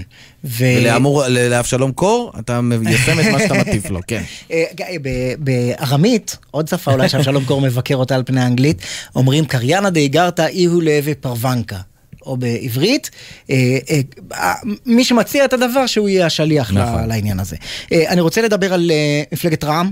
בבקשה. אה, ומנסור עבאס, אה, זה פשוט אירוע מטורף, מהמם. שבו פוליטיקאי ערבי, לראשונה בתולדות המדינה, מקבל יד על הגה השלטון. אה, עושה מהפך אסטרטגי, אידיאולוגי, מכיר במדינת ישראל כמדינה יהודית, בסוף מבחינת מנדטים זה לא משנה דבר. למה חמישה מנדטים? חמישה ולא ארבעה. כן. אבל בסדר, אני אומר, בסוף זה לא, לא, אין פה, לא היה איזה סחף, אבל בסוף דיברו- הוא נהנה מה, מהחולשה של הצד השני. זה לא שהמגזר הערבי נסחף אחרי אה, אה, מנסור עבאס, זה לא שהפוליטיקאים היהודים נסחפו אחרי מנסור עבאס, ובהקשר הזה מאוד אה, אה, מתסכל להיות אה, גם בהנהגה של אה, רע"מ וגם בהנהגה של מרץ, כי לא ברור מה הבוחרים רוצים מהחיים אז אני חושב שהתשובה היא הרבה יותר ברורה דווקא פה מאשר הסיפור של מרץ. לדעתי, החברה הערבית היא אה, חברה, אה, לא תאמין, גם היא מפולגת בעיניי. יש את הצד שמקצין יותר, שהצביע 100 ומשהו אלף קולות לבל"ד, למרות שהיא לא עברה. חבר'ה צעירים שלא הצביעו בכלל בבחירות הקודמות לאף אחד. חד"ש, תע"ל, שנצמדה לבל"ד כי הבינה שזה הסנטימנט. ומן הצד השני, כמעט 50 אחוז מתוך בעלי זכות הבחירה בחברה הערבית, שמצביעים לרע"מ, זאת אומרת, מצביעים לתוכנית הזאת של השילוב, לעובדה שהם ביחד, לעובדה שהם רוצים ללכת ביחד. כן, אבל אלה היו פחות או יותר המספרים גם בפעם הקודמת. זאת אומרת, אין שם, הוא לא קודם כל זה הצליח... שהם עלו במנדט אחד זה, אתה יודע, אולי אתה מדבר איתי על מספרים מוחלטים, אבל זה שבסופו של דבר הם עולים במנדט אחד, אני שמעתי דברים שאמרו, אתה יודע, כל מיני אנשים שמנתחים את החברה הערבית ואומרים, מנסור עבאס הוכיח שזה כישלון, השילוב הזה, והוא גם יחטוף את זה והוא אולי גם לא יעבור. זה לא קרה. אה, אבל אה, בסוף, אתה יודע, אנחנו אה, מכתירים מלכים ורומסים עבדים על פי כמה אלפי קולות לכאן או לכאן, כמו שעושים עכשיו עם נפילת מרץ מתחת לאחוז החסימה. אבל בסופו של דבר, אין פה איזה סחף דרמטי. תראה את איתמר בן גביר, שמציג כלפי הציבור איזה שינוי, קו. בסדר? מהמם. בדמותו ובהתנהלותו. כן. ומ-0.42 אחוזים רק לפני שני סבבים, הוא מגיע עכשיו ל-14-15 מנדטים. בסדר? אה, אה, הוא, אבל מסתמן כמוביל המרכזי של, כן. הרשימה הזאת וכפוליטיקאי. טוב, הוא נהנה. גם מוואקום נכון. בימין. בוודאי, אבל הוא מייצר אה, סיבוב שיצר אנרגיה. ותראה את רע"מ, ותראה גם את מרץ, שמרץ נכנסה לקואליציה אחרי שנות, אה, שנים במדבר כן. האופוזיציוני, וכלום. ולא עזר לה. Uh, טוב, אנחנו פונים עד שמרב מיכאלי תגיע, אנחנו רוצים לדבר עם כתבנו הפוליטי יובל שגב, שנמצא שם ממש במסיבת העיתונאים, מה שנקרא מסיבה שמתעכבת. שלום יובל. שלום אה, לכם, אז ממש עכשיו, ממש ברגע הזה שאתם אה, עוברים אלינו, מרב מיכאלי נכנסת כאן לחדר, עומדת אה, מול הפודיום עם הרקע כמובן של מפלגת העבודה. רוב חברי הכנסת, השרים של ההרכב היוצא נקרא לזה של מפלגת העבודה נמצאים כאן. מיכאלי ככה מחליפה כמה מילים איתם, עם הפעילים, ועוד מעט אה, נשמע את הדברים שלה, בעצם אה, שוברת שתיקה אפשר לומר אחרי אה, התוצאות של הבחירות לראשונה, הייתה מנהיגת המפלגה היחידה, אני חושב שעוד לא דיברה מאז התוצאות. אמורים לשמוע כאן... מה היא מדברת שם עם המאבטח? כן, כן, אני רואה, ש... ש... מבין שאתם רואים את זה בטלוויזיות. אה, אז היא תעלה ממש בעוד דקה, שתיים, כן. כזה... היא לובשת שחורים ולא, זה לא בגלל אה, האבן. אוי, באמת אישה. לא, זה בנוהל, זה בנוהל. אבל אה, בגדול ממה שאנחנו מבינים כרגע, זה אמור להיות נאום אה, שקודם כל יביע צער באופן כללי על המצב, גם על הנפילה של המפלגה האחות אה, אה, מרץ. לא יודע אם תהיה כאן איזושהי לקיחת אחריות על כך, יהיו עקיצות ליאיר לפיד, זה מה שאנחנו שומעים לפחות כרגע מאנשי המפלגה, ואנחנו אמורים אה, לשמוע את אה, מיכאלי מתחילה ממש אה, בעוד דקה. אוקיי, תגיד, מה- מה מה אתה רואה על פניהם של חברי הכנסת? דיכאון, אין אין מילה יותר יפה להגיד את זה בגדול. חלקם הגדול, אתה יודע, היו בכנסת האחרונה, אני רואה פה את אבתיסאם מראענה, את רם שפע, שכנראה לא יהיו בכנסת אה, הבאה. אה, גם את השר נחמן שי כמובן, שיראה את אה, המערכת הפוליטית אה, מהבית, ולצידם גם חבר הכנסת גלעד קריב, נעמה לזימי, אפרת רייטן, חברות הכנסת, שכמובן כן יהיו בכנסת הבאה, אבל אה, באופוזיציה. הכנות אחרונות, אנחנו כבר אה, נתחיל כאן, נעביר כמובן את הנאום הזה בשידור חי אצלכם. נתחיל קצת באיחור. כן, קצת באיחור. וגם... להזמין. או, הנה זה קורה. בוא נשמע מה יש למרב מיכאלי לומר. אה, מפלגת העבודה מרב מיכאלי, בבקשה. ערב טוב. בדרך כאן, בדרך לכאן שמעתי שנערה נפצעה מירי בקריית ארבע. אני קודם כל רוצה לשלוח חיזוקים ולאחל רפואה שלמה. אני רוצה קודם כל, לפני הכל, להודות לכל המצביעות והמצביעים, למעשה 173,156 מצביעות ומצביעים שנתנו את הקול ואת האמון שלהם למפלגת העבודה. אני מבטיחה לכם שנוכיח לכם יום-יום, שעה-שעה, שאנחנו ראויות וראויים לאמון הזה. אנחנו נשרת אתכן ואתכם באמונה רבה. למעשה, אנחנו נשרת את כל אזרחיות ואזרחי המדינה. אני רוצה להגיד תודה ענקית לפעילות ולפעילים המדהימים שנתנו את הנשמה שלהם ועשו עבודה מדהימה, צבעו את כל הארץ בסגול, לא ויתרו על אף אחד ועל אף אחד מכם באף קלפי. אני רוצה להגיד תודה עצומה לסיעת העבודה המופלאה, הטובה ביותר בכנסת, שעשתה עבודה יוצאת דופן טובה בכנסת היוצאת, הייתה סלע היציבות של הקואליציה, עבדה בצורה מדהימה בקמפיין, ושתיתן עכשיו את הפייט הכי חזק באופוזיציה נגד קואליציה חשוכה ומסוכנת למדינת ישראל, שיש בה יותר כתבי אישום מאשר נציגות נשים. צר לי וכואב לי הלב על כך שרק חלק מהסיעה הזאת יהיו איתי בכנסת. תוצאת הבחירות היא קשה לכולנו וקשה למפלגת העבודה. הסיבה שאני מדברת רק עכשיו היא שחיכיתי לתוצאות האמת. חיכיתי וקיוויתי, כמו כולנו כאן, לראות את מרצ עוברת את אחוז החסימה. לצערי, זה לא קרה, והמפלגה האחות שלנו לא תהיה בכנסת הבאה. אני מזדהה מעומק הלב עם כל תחושות התסכול, האכזבה והכאב. למעשה, מדובר בתסכול ואכזבה וכאב ברמה הכי אישית שיש. באופן אישי, כואב לי שחלק מהסיעה המעולה הזאת לא תהיה בכנסת. כואב לי על כך שפגשתי במהלך הקמפיין הזה כל כך הרבה אנשים, גברים ונשים, שהייתה בינינו ברית של הסכמה על מה שנדרש למדינת ישראל. ואז גיליתי שבקלפי הם האמינו ללפיד שצריך לחזק אותו ולא אותנו. אז כן, התוצאה היא קשה. היה פה קרב, והקרב נוהל לא טוב. ומי שהיה אחראי לנהל את הקרב הזה, ניהל אותו לא טוב. בעוד שנתניהו כיתת את רגליו לרב טאו, הרב של מפלגת נועם ההומופובית, כדי לא לאבד אף קול, לפיד לא הצליח אפילו להביא הסכם עודפים לליברמן או למפלגות הערביות. אני אומרת לכן ולכם באחריות גמורה, לא הייתה שום סיבה שהעבודה ומרץ לא יעברו ויצליחו. ראינו את זה בבירור בסקרים אחרי שהוגשו הרשימות ונגמר קמפיין האיחוד. ראינו את זה בבירור בכל הסקרים מאז. אבל יש עתיד עבדו נגד מרץ ונגד מפלגת העבודה במהלך כל הקמפיין ובמיוחד ביום הבחירות. כבר שנים שמפלגות הימין מנסות לחסל את השמאל הציוני בקמפיין מתמשך של דה-לגיטימציה לנו ולדרך שלנו. זה לא דבר חדש. הדבר החמור שקרה בבחירות האלה הוא שהמפלגה המרכזית בגוש ניהלה קמפיין חסר אחריות שקרא להצביע ולחזק רק את המפלגה הגדולה על חשבון המפלגות האחרות. לפיד שבשנה שעברה התגאה שהוא זה שהציל את מרץ, עשה קמפיין שקרא להצביע למפלגה הגדולה. זה מה שהפיל וחיסל את מרץ. זה מה שכמעט וחיסל גם את מפלגת העבודה. לפיד התראיין יומיים לפני הבחירות לנחום ברנע ואמר שלמפלגת העבודה אין זכות קיום. הוא ביקש למעשה למחוק את מפלגת העבודה.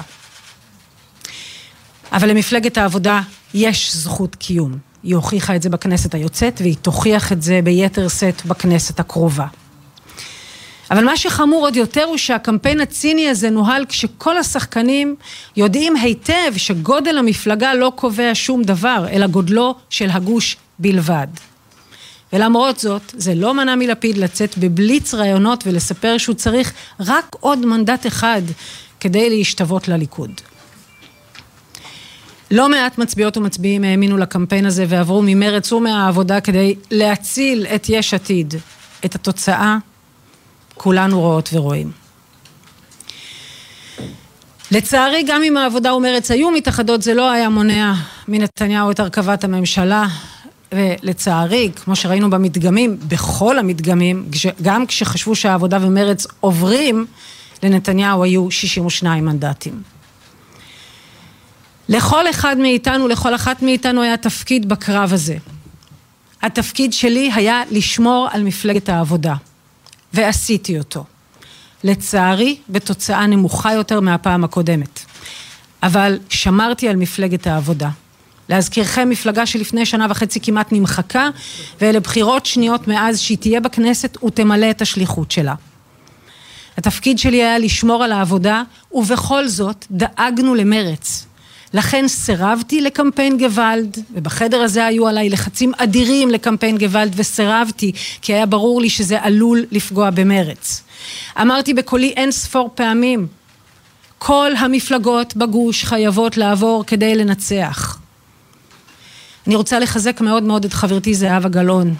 זהבה היא חברה ושותפה שאני מעריכה הערכה עמוקה ביותר, ואני מעריכה הערכה גדולה את ההתגייסות שלה להחזיר את מרץ למפה. רק לאחרונה היא אמרה, התרעתי לפני לפיד ואנשיו שהם משחקים באש, ושלא רק מרץ, אלא המחנה כולו ישלם את המחיר. לצער כולנו, היא צדקה. ברמה האישית, אני פועלת מאז ומעולם למען מדינת ישראל, למען החברה הישראלית, מתוך מחויבות עמוקה ומתוך אמונה גדולה שאנחנו יכולות ויכולים להחזיר את מדינת ישראל לחזון הציוני. מדינה יהודית, דמוקרטית, ליברלית, עם שוויון, עם ביטחון, עם שלום. אנחנו נתחקר ונלמד את הטעויות שעשינו. אנחנו נלמד מהן כדי שבפעם הבאה נעשה הרבה יותר טוב. כפי שיש לי אחריות על הצלת מפלגת העבודה בבחירות הקודמות, יש לי אחריות על ההישג הנמוך שלה הפעם. אנחנו נעשה תהליך בשיתוף כל אנשי המפלגה, נשקול גם את הקדמת הפריימריז, ונמשיך את תהליך הבנייה מחדש של מחנה המרכז-שמאל הישראלי. התוצאות של הבחירות האלה קשות למדינת ישראל וקשות למפלגת העבודה. הפסדנו את הבחירות. אבל זה ממש, ממש לא הסוף. אנחנו נבנה וניבנה, טוב. ובסוף ננצח. הדבר החשוב ביותר הוא שאסור לנו ליפול לייאוש. טוב, יניר. זה הזמן להילחם על המדינה האהובה שלנו בכל הכוח. מפלגת העבודה היא הקול היחיד היום שנלחם על צדק חברתי, על ביטחון ועל שלום. היא המפלגה היחידה שלא רק מדברת על דמוקרטיה, אלא עושה דמוקרטיה. אנחנו ניאבק בכל הכוח ונעבוד ביחד עם כל השותפות והשותפים שלנו. אסור לנו להתייאש. שוב נוכחנו שאנחנו לפחות חצי מהציבור בישראל. ואנחנו נלך לעבוד כדי שבבחירות הבאות התוצאה תהיה אחרת לגמרי. תודה רבה לכם. כן, ישי שנר. א', שוב הטיעון הזה על חצי מהעם, סתם. טוב, לא, אני לא אה, אכנס, אה, לא הקטנות.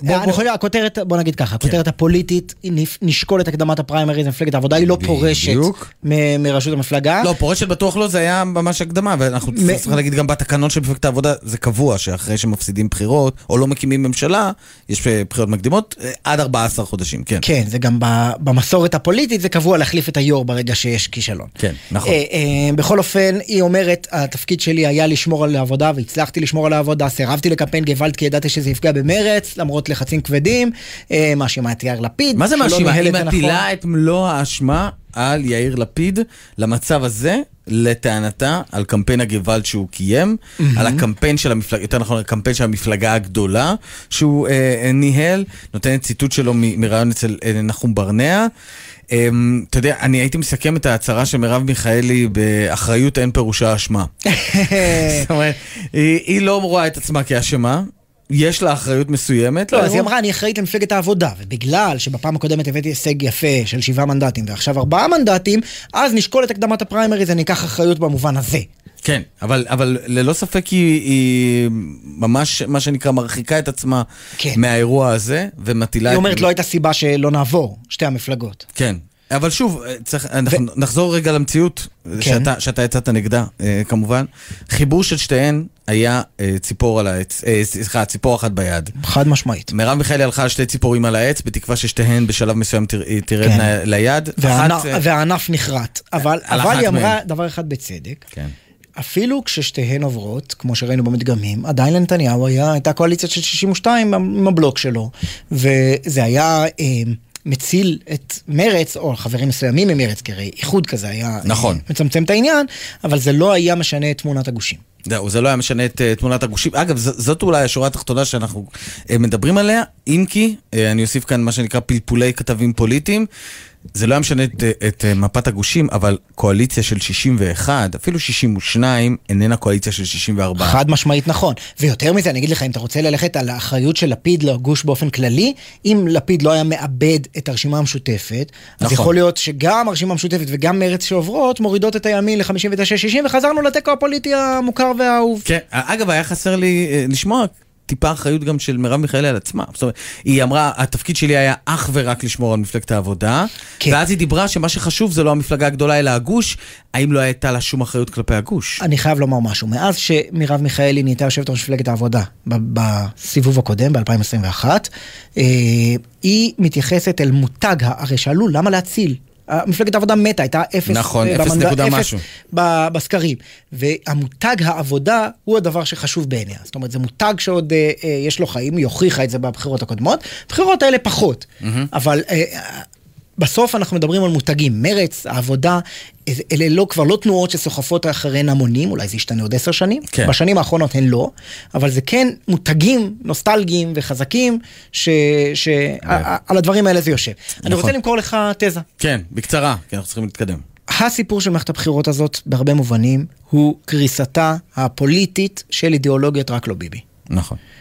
האם הציבור מאס אה, אה, בתיקו ורצה הכרעה? אני לא בטוח שזה מה שהוציא את האנשים, כי בסוף יצאו להצביע אה, יותר חרדים ויותר אנשי ימין, נכון? זה מה שהכריע נכון, בבחירות נכון, האלה, נכון. ויותר ערבים, אבל לא מספיק יותר ערבים. כן. ו... משהו כמו מספיק 70 אלף, משהו כזה של שיצאו יותר ו- והטו את הכף. בדיוק. והנושא של משפט נתניהו לא היה נוכח במערכת הבחירות הזאת מתחילתה ועד סופה, כי אה, הגוש מתנגד לנתניהו גילה שזה לא משפיע על כן, אנשים. שזה גם מעלה לא. תהיות הוא לגבי- מיצה אותו עד תום, ואני חושב שאנשים כן. בעומק של הדברים, אהה. אנחנו תקועים בתיקו הפוליטי הזה בגלל שנכנסנו למשפט נתניהו, בגלל שהדיון הימין-שמאל עבר לדיון ביבי לא ביבי, כן, אבל... באופן מוחלט. כן, אני רק רוצה להגיד שברמה המוסרית, ערכית, לחשוב שזה לא היה, שום, אה, שום עניין במערכת הבחירות, זה גם שאלה. נכון, לא, ברור, כן. אבל ברגע שהדבר שלשמו התכנסנו לא נוכח, אוקיי. אז גם אין סיבה יותר לתיקו הזה. טוב, אה, ישי שנר, אנחנו עכשיו הולכים אל פינת ההמלצות שלנו. הפעם יש לנו את מרגול, ואני מבקש ממך, בשונה מפעמים אחרות, להאזין בקשב רב, כי יש לה המלצה, מה שנקרא, אפילו אפשר להגיד, המלצה אישית אליך. אתה כל, מקשיב? כל מילה שיוצאת למרגול מהפה, אני תמיד מקשיב. אז הנה. שלום, כאן מרגול, ואני הייתי רוצה אה, אה, אה, בדברי פרידה להיפרד מישי שנר.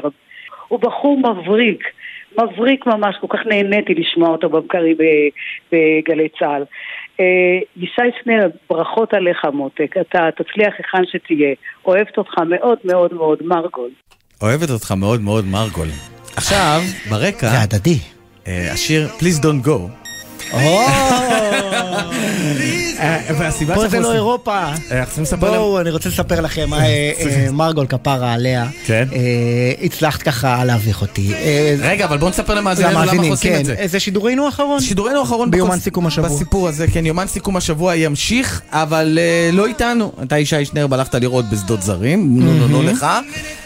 אני אהיה בתוכנית הבוקר שלנו עם ספי עובדיה. כן. מדי יום אתה בשמונה גם עד הולך עשר. לשדות אחרים, פשוט לא זרים כל כך. בדיוק. אה, והתוכנית הזאת שהיא רצה כבר אה, עשרה חודשים כמעט, כן. אולי שמונה, תשעה חודשים, אה, הייתה מאוד כיפית, אבל היא משתנה עכשיו. ויהיו כאן נכון. אנשים אחרים מדי חמישי בשעה חמש בערב, שיסכמו לכם את השבוע. אה, אני נהניתי מאוד איתך, ישי שנר. אני מאוד מאוד נהניתי. היה לי כיף גדול. קוזין, היה תענוג. למדתי אה, להכיר אותך, ובעיקר שידך לא הייתה במעל. בוא נדבר על רגלך, אה, אדוני. אני שמתי רגל אחת למטה. בדיוק, רגל- אחת על הקרקע. טוב, זה הזמן אנחנו להודות לצוות. כן. לצוות שלנו, שהיה תענוג גם לעבוד איתו, לעורך הראשי של יומן סיכום השבוע, רועי ולד. שיישאר כאן העורך ראשי. למפיקים, יואב מאיסי ונמרוד פפרני. תן כבר יואב מאיסיס כמו שצריך. על הביצוע הטכני קיקו נדב, שהוא חלק מהצוות שלנו כאן בימי חמישי. אהבתי, אתה עושה לנו את זה ככה כמו בגלי צה"ל, אה, בגלגלצ. אה, בן שני ומיכל כהן הם ביפו. בפיקוח הטכני עומר נחום, עורכת הדיגיטל יולי אמיר. ג'ולי. מיד אחרינו דרור גלוברמן, עם העתיד עכשיו. אה, והעתיד עכשיו אומר שבשבוע הבא יהיו כאן מגישים אחרים. תודה רבה לכם אה, שהאזנתם לנו והנעמתם לנו, מקווים שהנעמנו לכם בחזרה. בדיוק, תהנו, שיהיה לכם סוף שבוע נעים, שבת שלום לך ישי שנרב. שבת שלום ולהתראות. להתראות. מה קרה? קיקו, עכשיו דווקא? אה, אתה נותן עוד פעם. רצית, רצית מההתחלה, בטח, כמו שצריך. שבת שלום. Please don't go. Please don't go. Please don't go. Please don't go. Please. Babe, I love you so. I, I want you to know that I'm gonna miss your love. The minute you walk out that door, please don't go. Please don't go. Please don't go.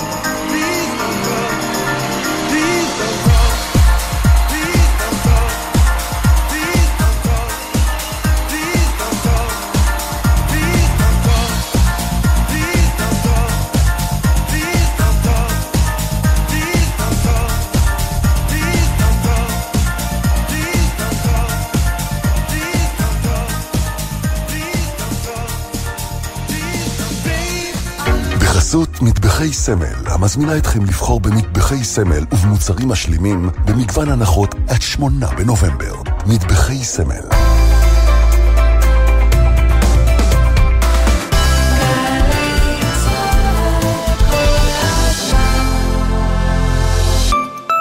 הזמינו אתכם לוועדה רפואית בביטוח הלאומי? כדי שתבואו מוכנים לוועדות, אתם צריכים להרגיש בידיים טובות. אנו מזמינים אתכם לבוא למרכזי יד מכוונת ולקבל ייעוץ והכנה לוועדות הרפואיות מרופאים מומחים, וכן סיוע בהכנת התיק הרפואי חינם בלא תשלום. לקביעת פגישה התקשרו כוכבית 2496. יד מכוונת, למצות זכויות בלי עלויות. מרכז יד מכוונת, מייסודו של המוסד לביטוח לאומי.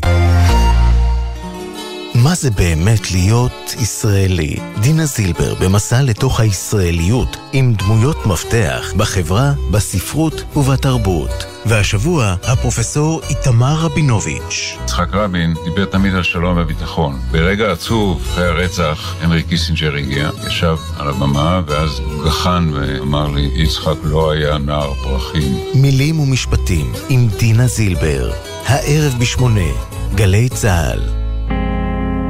גלי צה"ל והמועצה האזורית מנשה מציינות 27 שנים לרצח ראש הממשלה יצחק רבין. נזכור בשירים, בהשתתפות אילנית, יונתן רזאל, ולרי חמאתי, אלעלי, אורם רמי, חבורת הזמר צלילי מנשה, תיאטרון צה"ל וזמרי הלהקות הצבאיות.